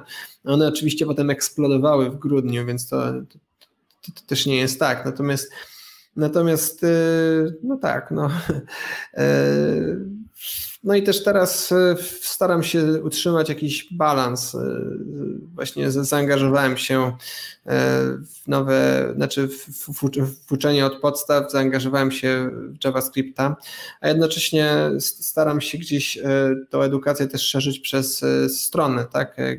Katie Academy, mimo że kojarzy się z, z Kotlinem, już nie jest tylko Kotlinowa, no, była tylko Kotlinowa, bo to była strona, przez którą sprzedawałem swoje szkolenia, natomiast potem zawitaliśmy tam, e, zaczęliśmy witać kolejnych e, świetnych trenerów, e, którzy dają, którzy dają warsztaty z różnych tematów. Mam między innymi świetną osobę od dobrych praktyk i wzorców projektowych, mam świetną osobę od JavaScripta i Angulara, mam świetną też osobę od od e, Pythona e, i bitcoinów, e, czy tam nie sensu stricte bitcoinów, ale blockchaina. te, takie, te, takie dwie specjalizacje ma. Natomiast bardzo, bardzo fajne prowadzi warsztaty, więc y, gdzieś tam staram się teraz też to, to Katie Academy e, biznesowo pchnąć do przodu, to oczywiście się nie wiąże z, tą, z tym JavaScriptem. W Katie Academy dajemy e, szkolenia dla firm, e, dla zaawansowanych programistów. JavaScript jest, jest, jest od podstaw, jest, jest książką dla zupełnie początkujących, więc to, to, się, to się biznesowo ze sobą nie, nie wiąże. E, cały czas traktujemy ten JavaScript od podstaw jako część naszych działań charytatywnych, które po prostu są finansowane przez pieniądze, które, które firma e, zarabia e, z, ze szkoleń moich i, i innych trenerów. A jeszcze do tego może dodam, że nie jest to jedyne działanie, czy w tym momencie jest to jedyne działanie, natomiast już, już planujemy kolejne działania i chcemy zrobić w Warszawie, w Warszawie serię wykładów dla osób od zupełnych podstaw, e, otwartych wykładów. E, co tydzień już mamy dogadanych 13 bardzo dobrych speakerów, e, chętnych poprowadzić takie wykłady, więc z różnych tematów, z różnych języków, z różnych, z różnych rzeczy technologicznych. Jeden, jedna na przykład osoba, nawet chcemy zrobić taki warsztat z programowania na Raspberry Pi, na, na te płytki, więc tam naprawdę o różnych rzeczach będziemy zagajali i, i, też nas, też, też widzimy w tym mm, coś fajnego, co możemy zrobić dla ludzi, nie? Żeby, e, żeby zrobić otwarte, darmowe szkolenia dla, znaczy szkolenia, no wykłady dla, dla, dla ludzi. Super. E, no to w takim razie, jeżeli chodzi o dzielenie się wiedzą, również masz szerokie doświadczenie. E, I jeżeli tutaj mamy jakichś początkujących, którzy no, powiedzmy myślą o tym, też gdzieś tam powiedzmy poczuli jakąś inspirację, przykład słuchają tego live'a, mówią, kurczę, może też bym coś takiego zrobił, a, a może brakuje mi jeszcze wiedzy, a może nie jestem gotowy. I jak, co byś powiedział takim osobom, e, jakby kiedy jest ten właściwy moment, e, może jak to wyczuć i też może od czego zacząć, jakie pierwsze kroki postawić? Pierwszym krokiem wydaje mi się jest zawsze, e, są zawsze blogi. E, na pisa, pisanie artykułów się e, ćwiczymy w dzieleniu wiedzą i, i, i przetwarzamy wiedzę, żeby była gotowa potem do, do prezentacji w inny sposób. Bardzo wartościową częścią ogólnie pisania blogów jest reviewer, jest ktoś, kto da nam feedback. To jest, to jest naprawdę istotne. Doświadczona osoba, zwłaszcza osoba, która sama e, e, pisze e, blogi i się dobrze sprzedają. Oczywiście na tym się raczej nie zarabia, ale, ale przez to mam na myśli, że mają duży ruch. Jest bardzo cenna w naszym rozwoju.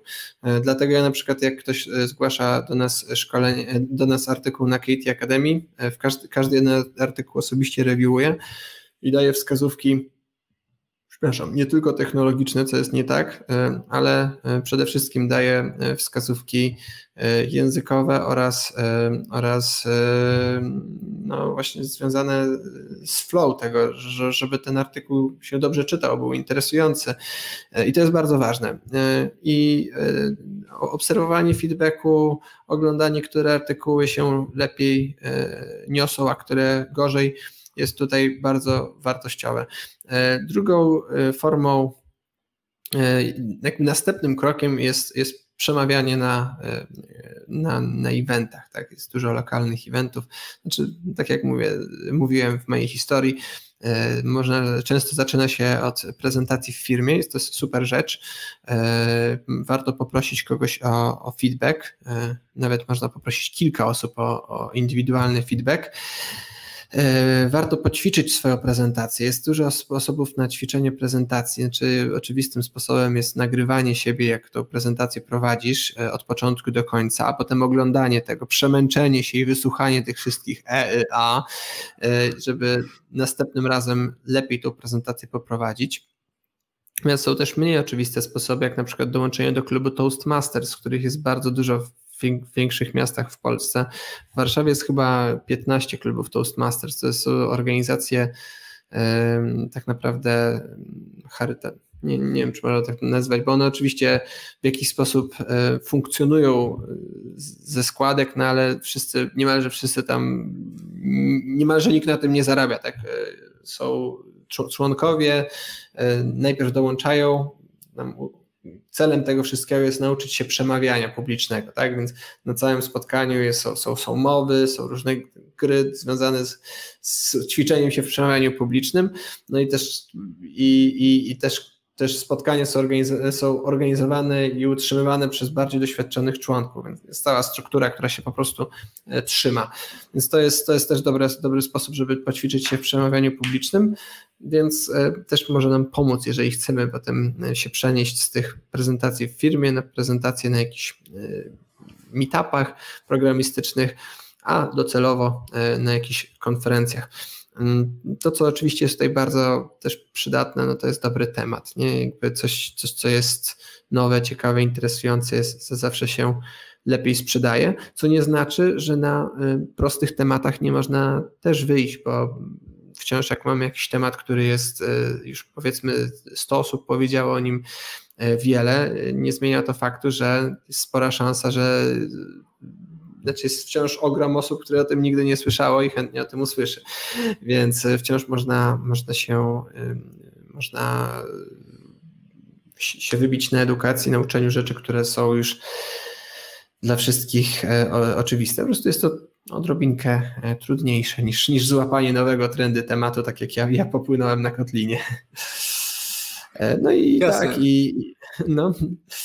No, no, właśnie chciałem, chciałem powiedzieć, że odnośnie tych tematów, które może już się wydają takie, e, no powiedzmy, że już wszystko zostało o nich powiedziane, i zawsze na początku bym się tym nie przejmował, zwłaszcza no, jeżeli gdzieś tam może, jeżeli przemawiamy na konferencji, no to może to, to, to, to jest istotne, ale jeżeli piszesz na swoim blogu, to kompletnie się nie przejmuj tym, czy to, to jest temat e, popularny, czy niepopularny, bo blog oprócz tego, że można się dzielić wiedzą, to też jest świetny sposób, żeby tą własną wiedzę ustrukturyzować, żeby pogłębić, e, załatać dziury, więc kompletnie się nie, nie przejmujcie, piszcie nawet do szuflady, e, i się okaże, że za rok, dwa będziecie mieli fajną szufladę, którą będzie można się pochwalić, więc polecam, naprawdę polecam.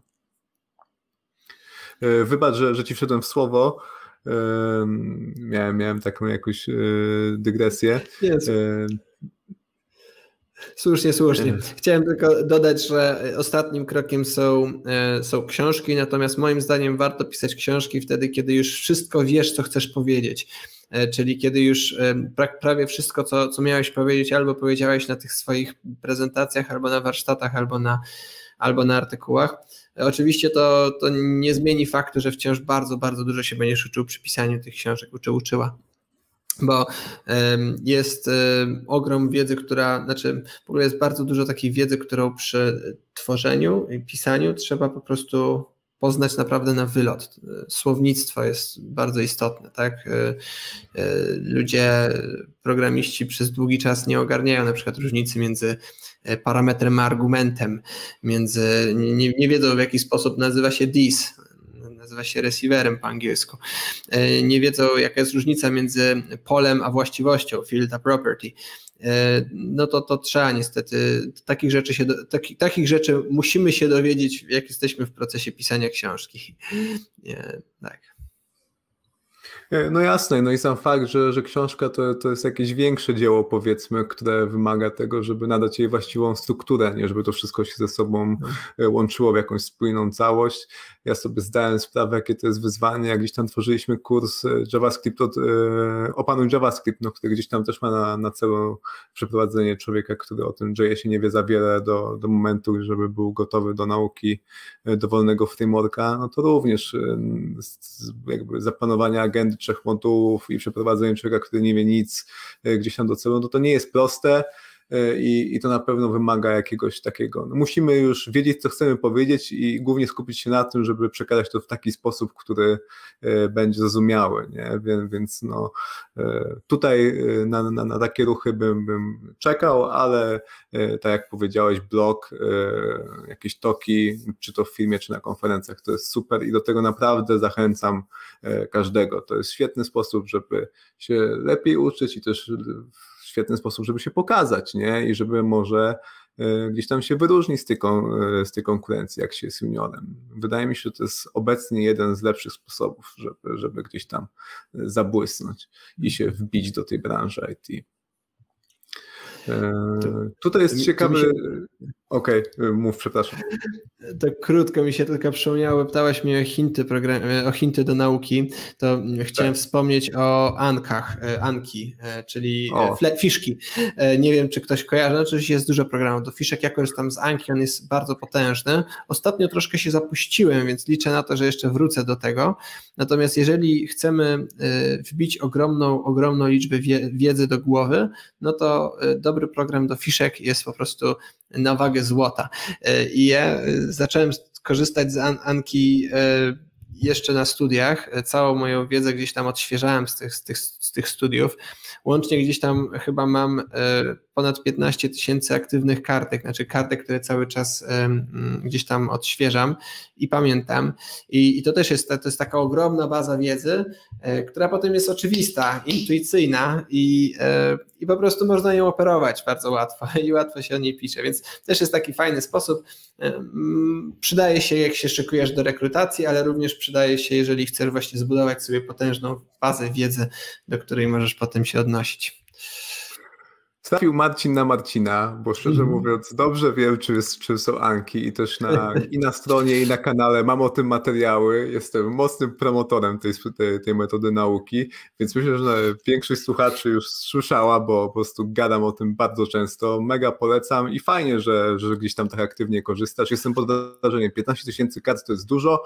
Ja mam no, 9 tysięcy, myślałem, że, że wymiatam, a tu się okazuje, że, e, że, że są jeszcze lepsi goście, też tam gdzieś 4-5 lat temu zacząłem. Super, super. Ja to do mnie bardzo przemawia. Mam tam dosłownie wiedzę nie tylko programistyczną, notatki z książek, wszystko fajną, można sobie zrobić taki drugi mózg, można powiedzieć, tak. gdzieś tam z wyszukiwarką i super, fajnie.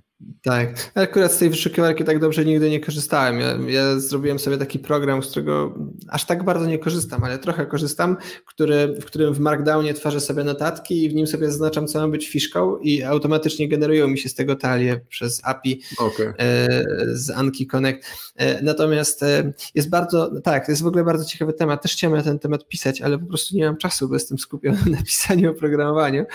E, natomiast jest e, bardzo dużo funkcji e, tych tych, fiszek. Mm, są, są fiszki, które no, to są takie oczywiste fiszki, jak e, pytanie, odpowiedź, zapamiętaj coś, taki, taki trywiał. Jest taka bardzo ciekawa metoda Janki, się chyba nazywa, hmm. tak? Że, jest, tak, tak. Jack, Jackins autora też polecam, jaram się. Od niego się dowiedziałem o tym, więc.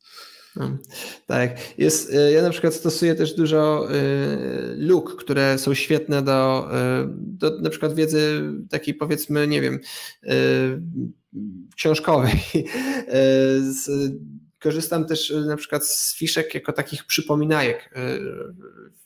Anki się też nadają właśnie, żeby na, na, przykład czasem mam takie kartki, które nie mają żadnej odpowiedzi. Jakby pytanie, odpowiedź jest tym samym, które jest po prostu przy, przypomnieniem czegoś.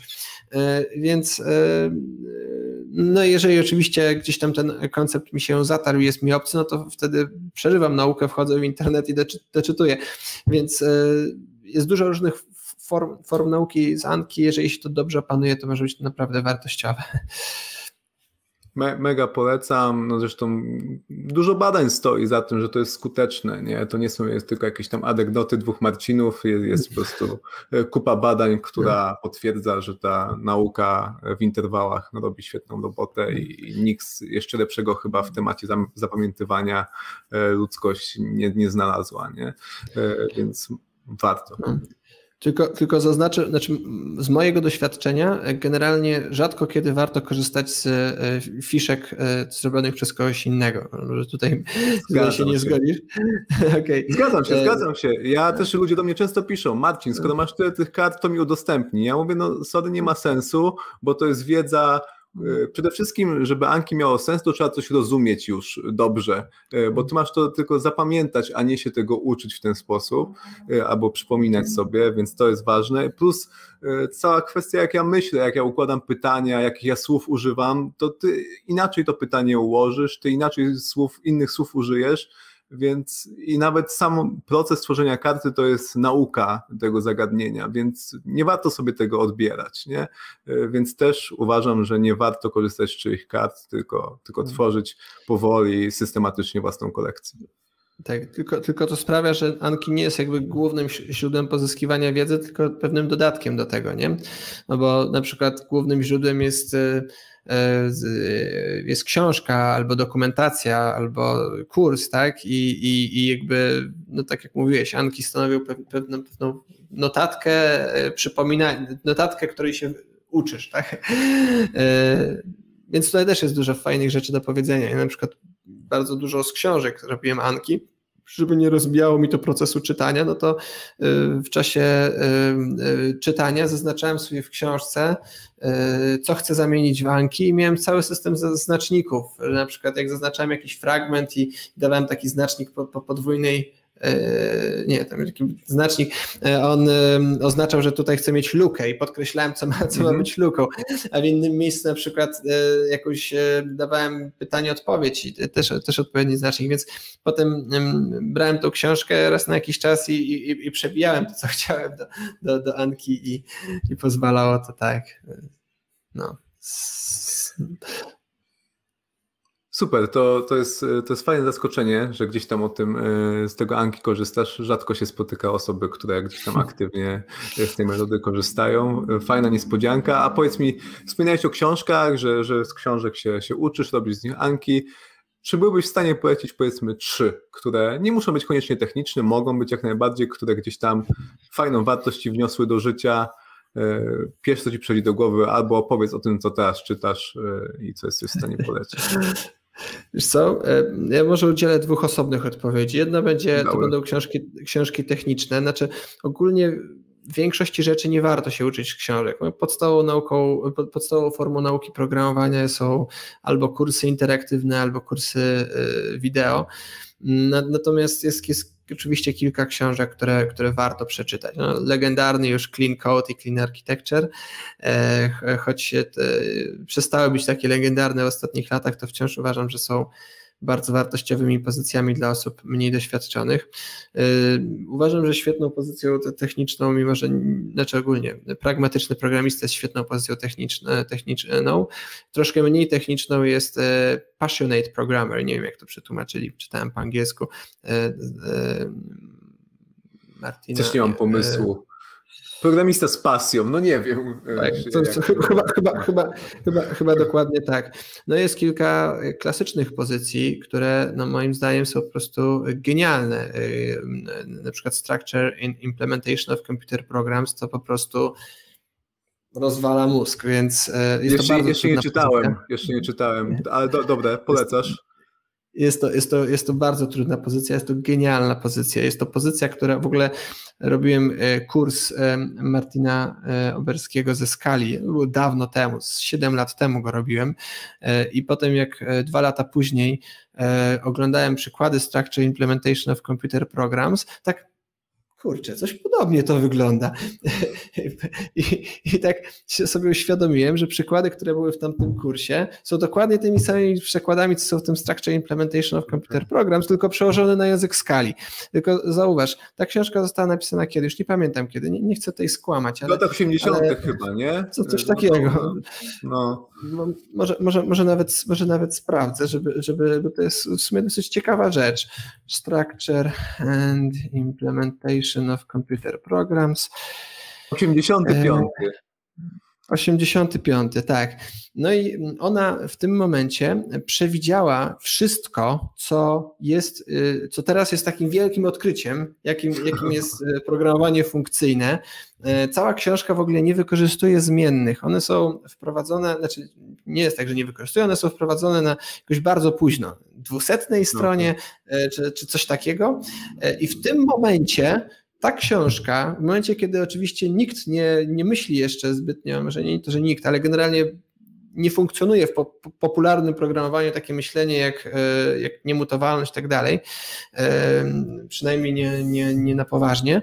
E, ta książka przedstawia bardzo dokładną analizę wad i zalet mutowalności w naszym kodzie, która jest tak dokładną analizą, że jakby mam wrażenie, że we współczesnej dyskusji, kiedy to jest odkrywane na nowo, są, są tylko skrawki tego, co tam już zostało, zostało przeanalizowane. I ta książka y, naprawdę przechodzi przez szereg genialnych tematów. Na sam koniec pamiętam ten ostatni rozdział, wyjaśnia, że muszą powstawać nowe języki programowania i i będą powstawać, ponieważ będą one po prostu coraz lepszym oddaniem naszej ekspresji tego, co chcemy przekazać. W ogóle Książka jest wypełniona świetnymi konceptami. Ja bardzo dużo z nich zawarłem w Effective Kotlin. Jest na przykład taki bardzo dobry koncept, którego jeszcze nie było narzędzi, żeby w tej książce nie było narzędzi, żeby pokazać e, ten koncept, tak? E, ja, ja już mam narzędzia, żeby go pokazać. Było takie pytanie hipotetyczne. Wyobraź sobie, masz taką funkcję, e, dajmy na to, znajdź większą z dwóch liczb, tak? Czyli bigger of, coś takiego, nie? Wyobraź sobie, co, co by było, gdybyś nie mógł takiej funkcji napisać. E, no, oczywiście, mógłbyś wszystkie użycia tej funkcji mógłbyś zastąpić e, no, ciałem, tak? Czyli operatorem, i, jasne. Operatorem, tak. Ale z punktu widzenia filozoficznego straciłbyś dużo więcej. Z punktu widzenia filozoficznego, myślenia o programowaniu, straciłbyś możliwość ekspresji takiego wzorca. A to jest dużo więcej niż tylko to, że, że musisz coś tam powtórzyć powielokroć. Twój język nie miałby możliwości, żeby, coś, żeby, żeby to wyrazić a przez to Twoja komunikacja byłaby upośledzona. Tak jak gdy brakuje słowa, słowa w, w jakimś języku, tak komunikacja, która jest, jest w pewien sposób e, e, upośledzona i, i ograniczona. I to, to był taki bardzo teoretyczny przykład. Jego rozwinąłem trochę e, w Effective Kotlin.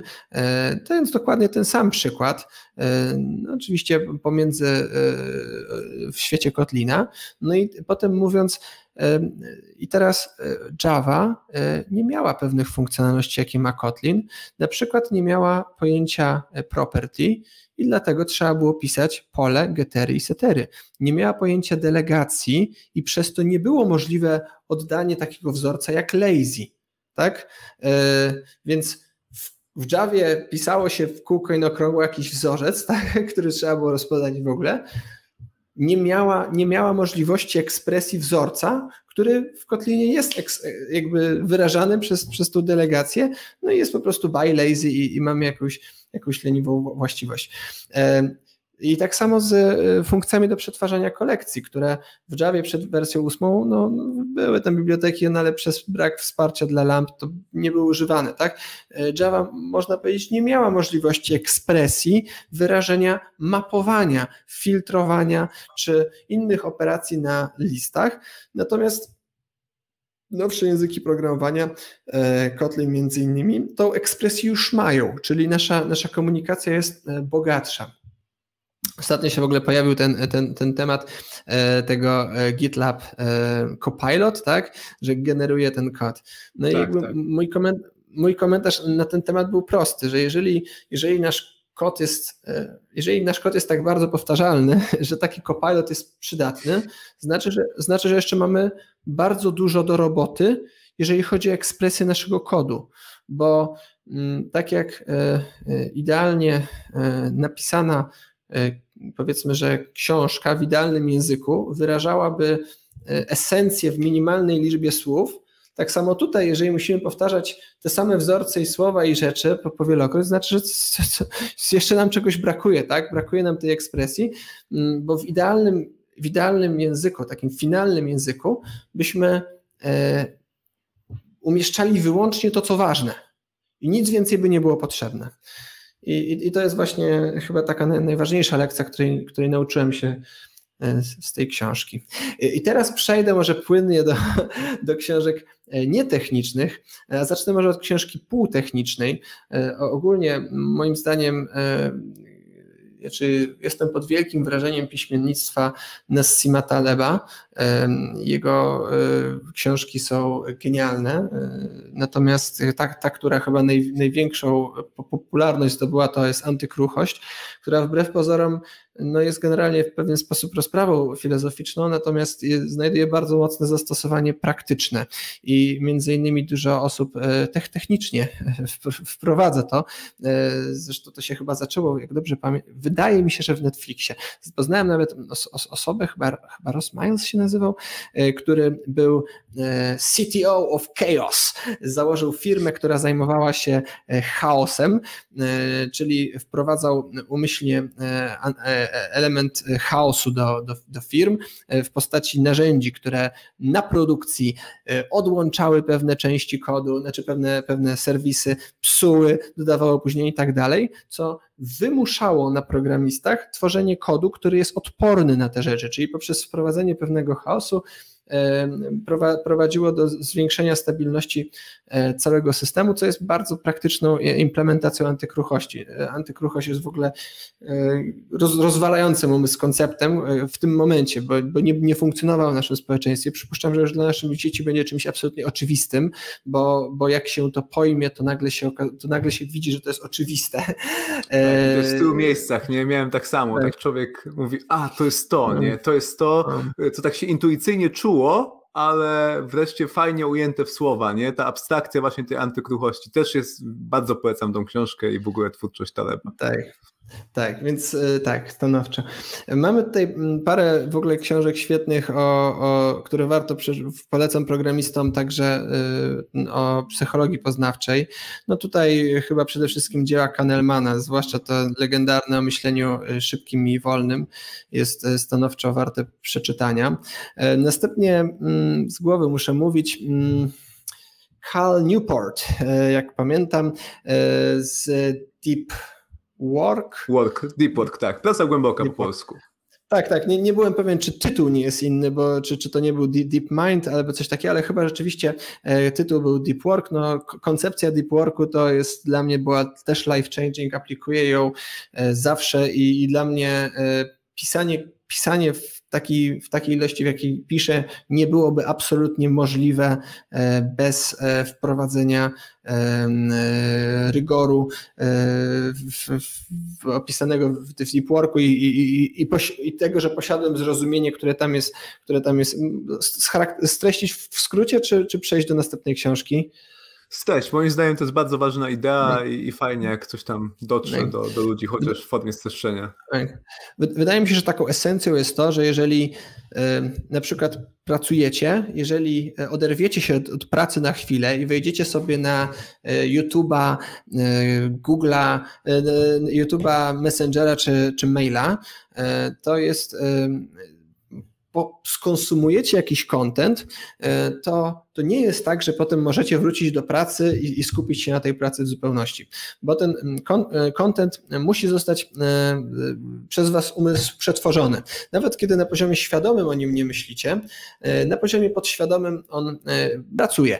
No i to oczywiście czasem, czasem widać po prostu jak na dłoni. Nie? Jeżeli ktoś, wasza na przykład druga połówka przekazała Wam jakąś bardzo niepokojącą wiadomość albo coś się złego zadziało w polityce, no to pewnie jest szansa, że przez nawet parę dni możecie mieć problem ze skupieniem się e, w pracy. To są takie ekstremalne przypadki, ale nawet taki bardzo nie, mała rzecz, jak jakiś ciekawy news ze świata, albo cokolwiek, albo mail od, e, od znajomego, z którym się nie słyszeliśmy. Tak naprawdę małe rzeczy e, już wymagają jakiegoś przetworzenia. One nie będą tak ekstremalne, ale, ale wymagają jakiegoś przetworzenia. Co sprawia, że po czymś takim nie jesteśmy w stanie pracować na 100%, tylko tylko nasz umysł już pracuje na 80%, e, bo mimo, że sobie z tego nie zdajemy sprawy, gdzieś tam te 20% jakiś taki malutki motorek zasuwa w środku i to e, przetwarza. No i wydaje mi się, że to jest taki esencjonalny koncept e, tego wszystkiego. No i pytanie, co w związku z tym?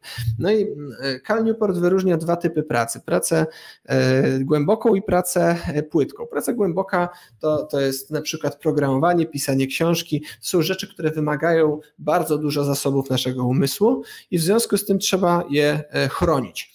Praca płytka to są odpowiadanie na maile, spotkania, są rzeczy, które właśnie mają dużo jakichś zmian kontekstów, no i nie wymagają tyle skupienia, ale e, natomiast e, dostarczają dużo jakiegoś tam inputu i przez to są bardzo rozpraszające.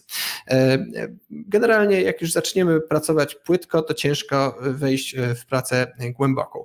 Dlatego esencjonalnym, esencjonalną wskazówką jest to, że należy zacząć od pracy głębokiej i najlepiej zacząć z niej od samego rana, czyli rano nie konsumować żadnych newsów, odcinać się od wszelkich notyfikacji, ograniczyć to wszystko i po prostu skupić się na, na najważniejszym, najtrudniejszym zadaniu. To jest najlepszy czas, żeby to zrobić. Ja, dla mnie to jest zwykle pisanie, zaczynam dzień od pisania, nie odbieram żadnych maili, nie, nie wchodzę na Slacka, nic takiego. Najpierw, i, i najpierw zaczynam od, jeżeli to jest dzień pisarski, a jeżeli to jest dzień na przykład programistyczny, to zaczynam od programowania.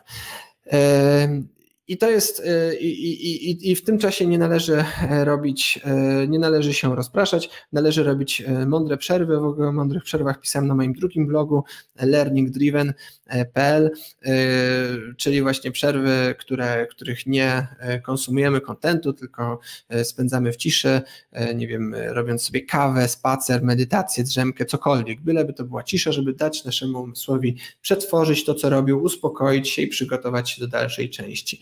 I dopiero potem, jak już e, zrobiliśmy to, co mieliśmy zrobić w stanie głębokim, e, możemy się przełączyć na, na, na stan płytki i, i, i rozpraszać e, płacą, pracą płytką. Cal Newport e, napisał też e, drugą, znaczy on napisał kilka bardzo dobrych książek, drugą, którą bym e, chciał polecić. Mm, ona jest, brzmi So Good They Can't Ignore You. Oczywiście też czytałem w języku angielskim, tak jak, tak jak Deep Work i, i niemalże wszystkie pozycje, które tutaj wymieniłem.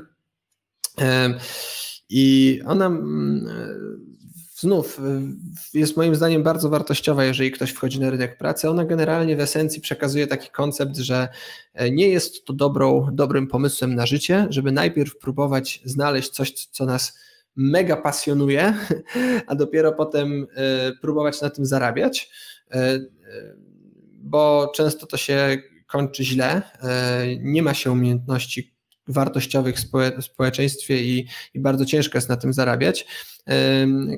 Cal Newport sugeruje zupełnie odwrotną strategię, żeby najpierw e, znaleźć e, umiejętności, które są wartościowe, czyli na przykład właśnie e, programowanie, a potem, jak, jak już jest nasza praca wyceniana społecznie w sposób nas satysfakcjonujący, tak, że już, już, już, jest, już mamy na ten chleb, na rodzinę i w ogóle, to w tym momencie w dalszym rozwoju e, inwestować w wolność i, i, i, i w możliwości, tak? Czyli e, nie dążyć do nie wiadomo jakich pieniędzy, no bo po co to komu, e, tylko wykorzystywać na przykład to, że, że, że jesteśmy e, niezastąpionym programistą w firmie, żeby mieć e, e, coraz większe możliwości realizacji swoich, swoich pasji, tego, co nas, co nas interesuje, na przykład pisania i edukacji, albo niektórzy na przykład programiści chcą tworzyć muzykę czy gry, i w tym momencie jest na to, w tym momencie jest na to czas. Już mamy kompetencje, na których mocno stoimy, już na pewno nie będziemy głodni. To jest dobry czas, żeby, e, żeby budować sobie wolność, żeby budować sobie wolność, możliwości i tak dalej. On tam kilka tych, tych rzeczy mówi i że to jest lepsza ścieżka e, i, i robić to, co ma znaczenie, naszym zdaniem. Czyli e, na przykład nie, praco, nie pr pracować nad projektem, który naszym zdaniem jest ważny społecznie i tak dalej. Uważam, że to jest lepsza ścieżka rozwoju kariery niż, niż, niż ścieżka odwrotna, czyli, czyli najpierw, nie wiem, o, chcę być filmowcem, E, i albo, no, oczywiście nie ma nic złego w byciu filmowcem, ale e, dajmy na to, chcę, chcę być artystą i, i, i zaczynam od tego. I, i teraz idę, idę, na studia, bo oczywiście są, są osoby, które, które są w stanie tą ścieżkę dobrze przejść, ale dużo osób kończy na przykład po, po, po tym, jak ma zacząć pracować z tym tworzeniem tej sztuki, to na przykład stwierdza, że już to ich nie interesuje, albo jest to zbyt trudne, bo, bo, bo, bo, bo bardzo ciężko na tym wyżyć i tak dalej. E, więc też moim zdaniem bardzo dobra książka. Mm, co dalej? Oczywiście e, ostatnio e, bardzo popularny temat to jest filozofia stoicka. Wydaje mi się, że bardzo cenny temat we, we współczesnym świecie. E, tutaj e, dobrym punktem startu jest e, Ryan Holiday i jego książki. Natomiast jest też dużo innych książek o stoicyzmie, no i są też książki u samego źródła stoicyzmu, czyli Marek Aureliusz, Seneca oraz Epiktet, które też są moim zdaniem bardzo wartościowymi pozycjami, kiedy szukamy, żeby w tym naszym życiu było więcej spokoju, akceptacji i ogólnie ogólnie stabilniej, stabilne, dobre, dobre życie. I chyba, ponieważ mi tak. A, jeszcze jest jedna książka, mm, tylko nie jestem pewien, jak ona się nazywa. Wydaje mi się, że mm, nazywa się Growth Mindset. Nie wiem, czy e, kojarzysz. Nazywa się, nazywa się Mindset tylko, chodzi o Karol Dweck pewnie. E, tak, to, to jest źle przetłumaczone bardzo na polski, to jest nowa psychologia sukcesu, niestety tak, ta, ta, ta, książka się nazywa po polsku, to jest, to jest bardzo zły tytuł, ale książka jest świetna, również ją czytałem i opowiadaj o czym jest, bo to jest bardzo ważna wiedza moim zdaniem. Czyli generalnie esencjonalny koncept jest bardzo prosty i mógłby być znajdować się w jednym artykule, nie wymaga całej książki, natomiast e, jest e, pod, pod pewnym kątem przełomowy e, dla wielu osób. Wydaje mi się, że bardzo, bardzo ważny i też wchodzi do świadomości społecznej.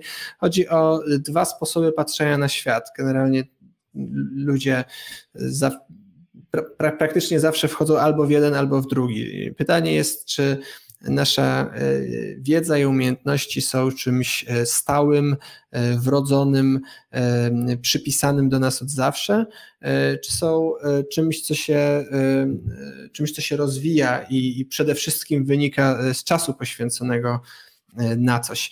No i to jest właśnie fixed mindset i, i growth mindset.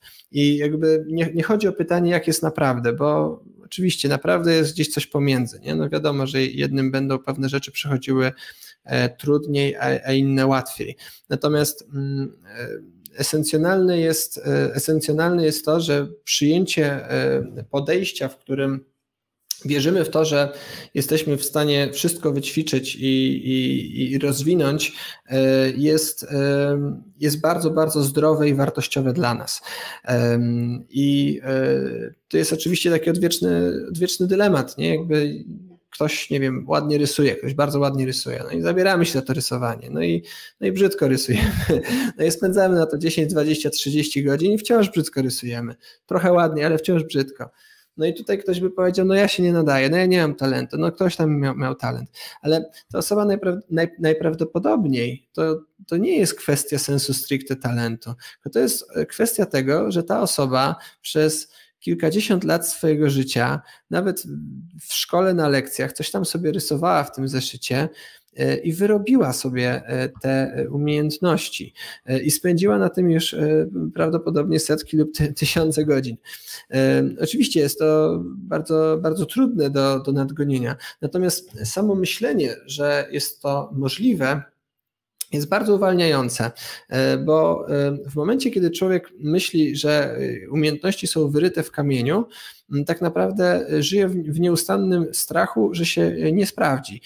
W sensie być może, być może w obszarze swojej kompetencji, w rzeczy, których wierzy, że jest zdolny, to e, chce e, to, to, to ten, to e, rozwija się, bo chce się pokazać, tak, że o, ja jestem taki zdolny. Ale pewnie też, jeżeli na przykład gdzieś by istniało ryzyko zanegowania jego zdolności, już, już pewnie żyłby w pewnym strachu. Jeżeli na przykład miałby się, nie wiem, przejść do gry w szachy z inną osobą, która jest matematycznie, jego zdaniem matematycznie zdolna, już byłoby ryzyko, jejku, może lepiej nie, no bo się okaże, okaże, że nie jestem taki zdolny, no i będą mnie uważali za, za głupszego. Więc życie w takim e, mindsetie, e, fixed mindset, w tym mindsetie, że wszystko jest wryte w kamieniu, e, jest jest wiecznym życiem e, w strachu i tak naprawdę e, uciekaniem od nauki, e, a przez to no, no, no, no, dużo ciężej się rozwijać. Natomiast mm, wiara, że wszystko jest wyćwiczone, to tak głęboka wiara w to, że, że wszystko jest płynne i można wyćwiczyć, to jest e, poszukiwanie e, okazji do nauki. To jest to, że z przyjemnością siądę do, do szachów z tą osobą bardziej doświadczoną, bo dzięki temu więcej się nauczę. Jeszcze się jej podpytam, jak to zrobić, bo dzięki temu będę mógł być lepszy.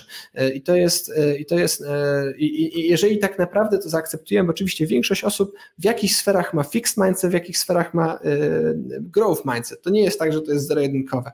Natomiast jeżeli to tak zaakceptujemy we wszystkich e, sferach naszego życia, tak wydaje mi się, że ja to zaakceptowałem we wszystkich sferach na, mojego życia, tak mi się wydaje, może się mylę, natomiast tak na, nagle mi się po prostu otworzyły, otworzyły klapki i zacząłem e, właśnie rysować, e, bo, bo zacząłem po prostu myśleć, że ka każda godzina na rysunku jest po prostu godziną dzięki której coś więcej umiem, czego wcześniej nie umiałem. Zacząłem e, udzielać się artystycznie, e, nagle po prostu wszystko staje się okazją do nauki, tak? Gdzie, gdzieś tam mamy jakiś, e, jakiś, jakiś warsztat nawet, czy coś gdzieś tam i, i, i, nie, nie jest już tak, znaczy i, po prostu nagle sobie myślę, fajnie, no to nauczę się czymś zupełnie, czegoś zupełnie nowego, nie, nie muszę tam wiedzieć czegoś więcej, no zawsze, zawsze się czegoś dowiem i, i, to, jest, to jest fajne i przyjemne.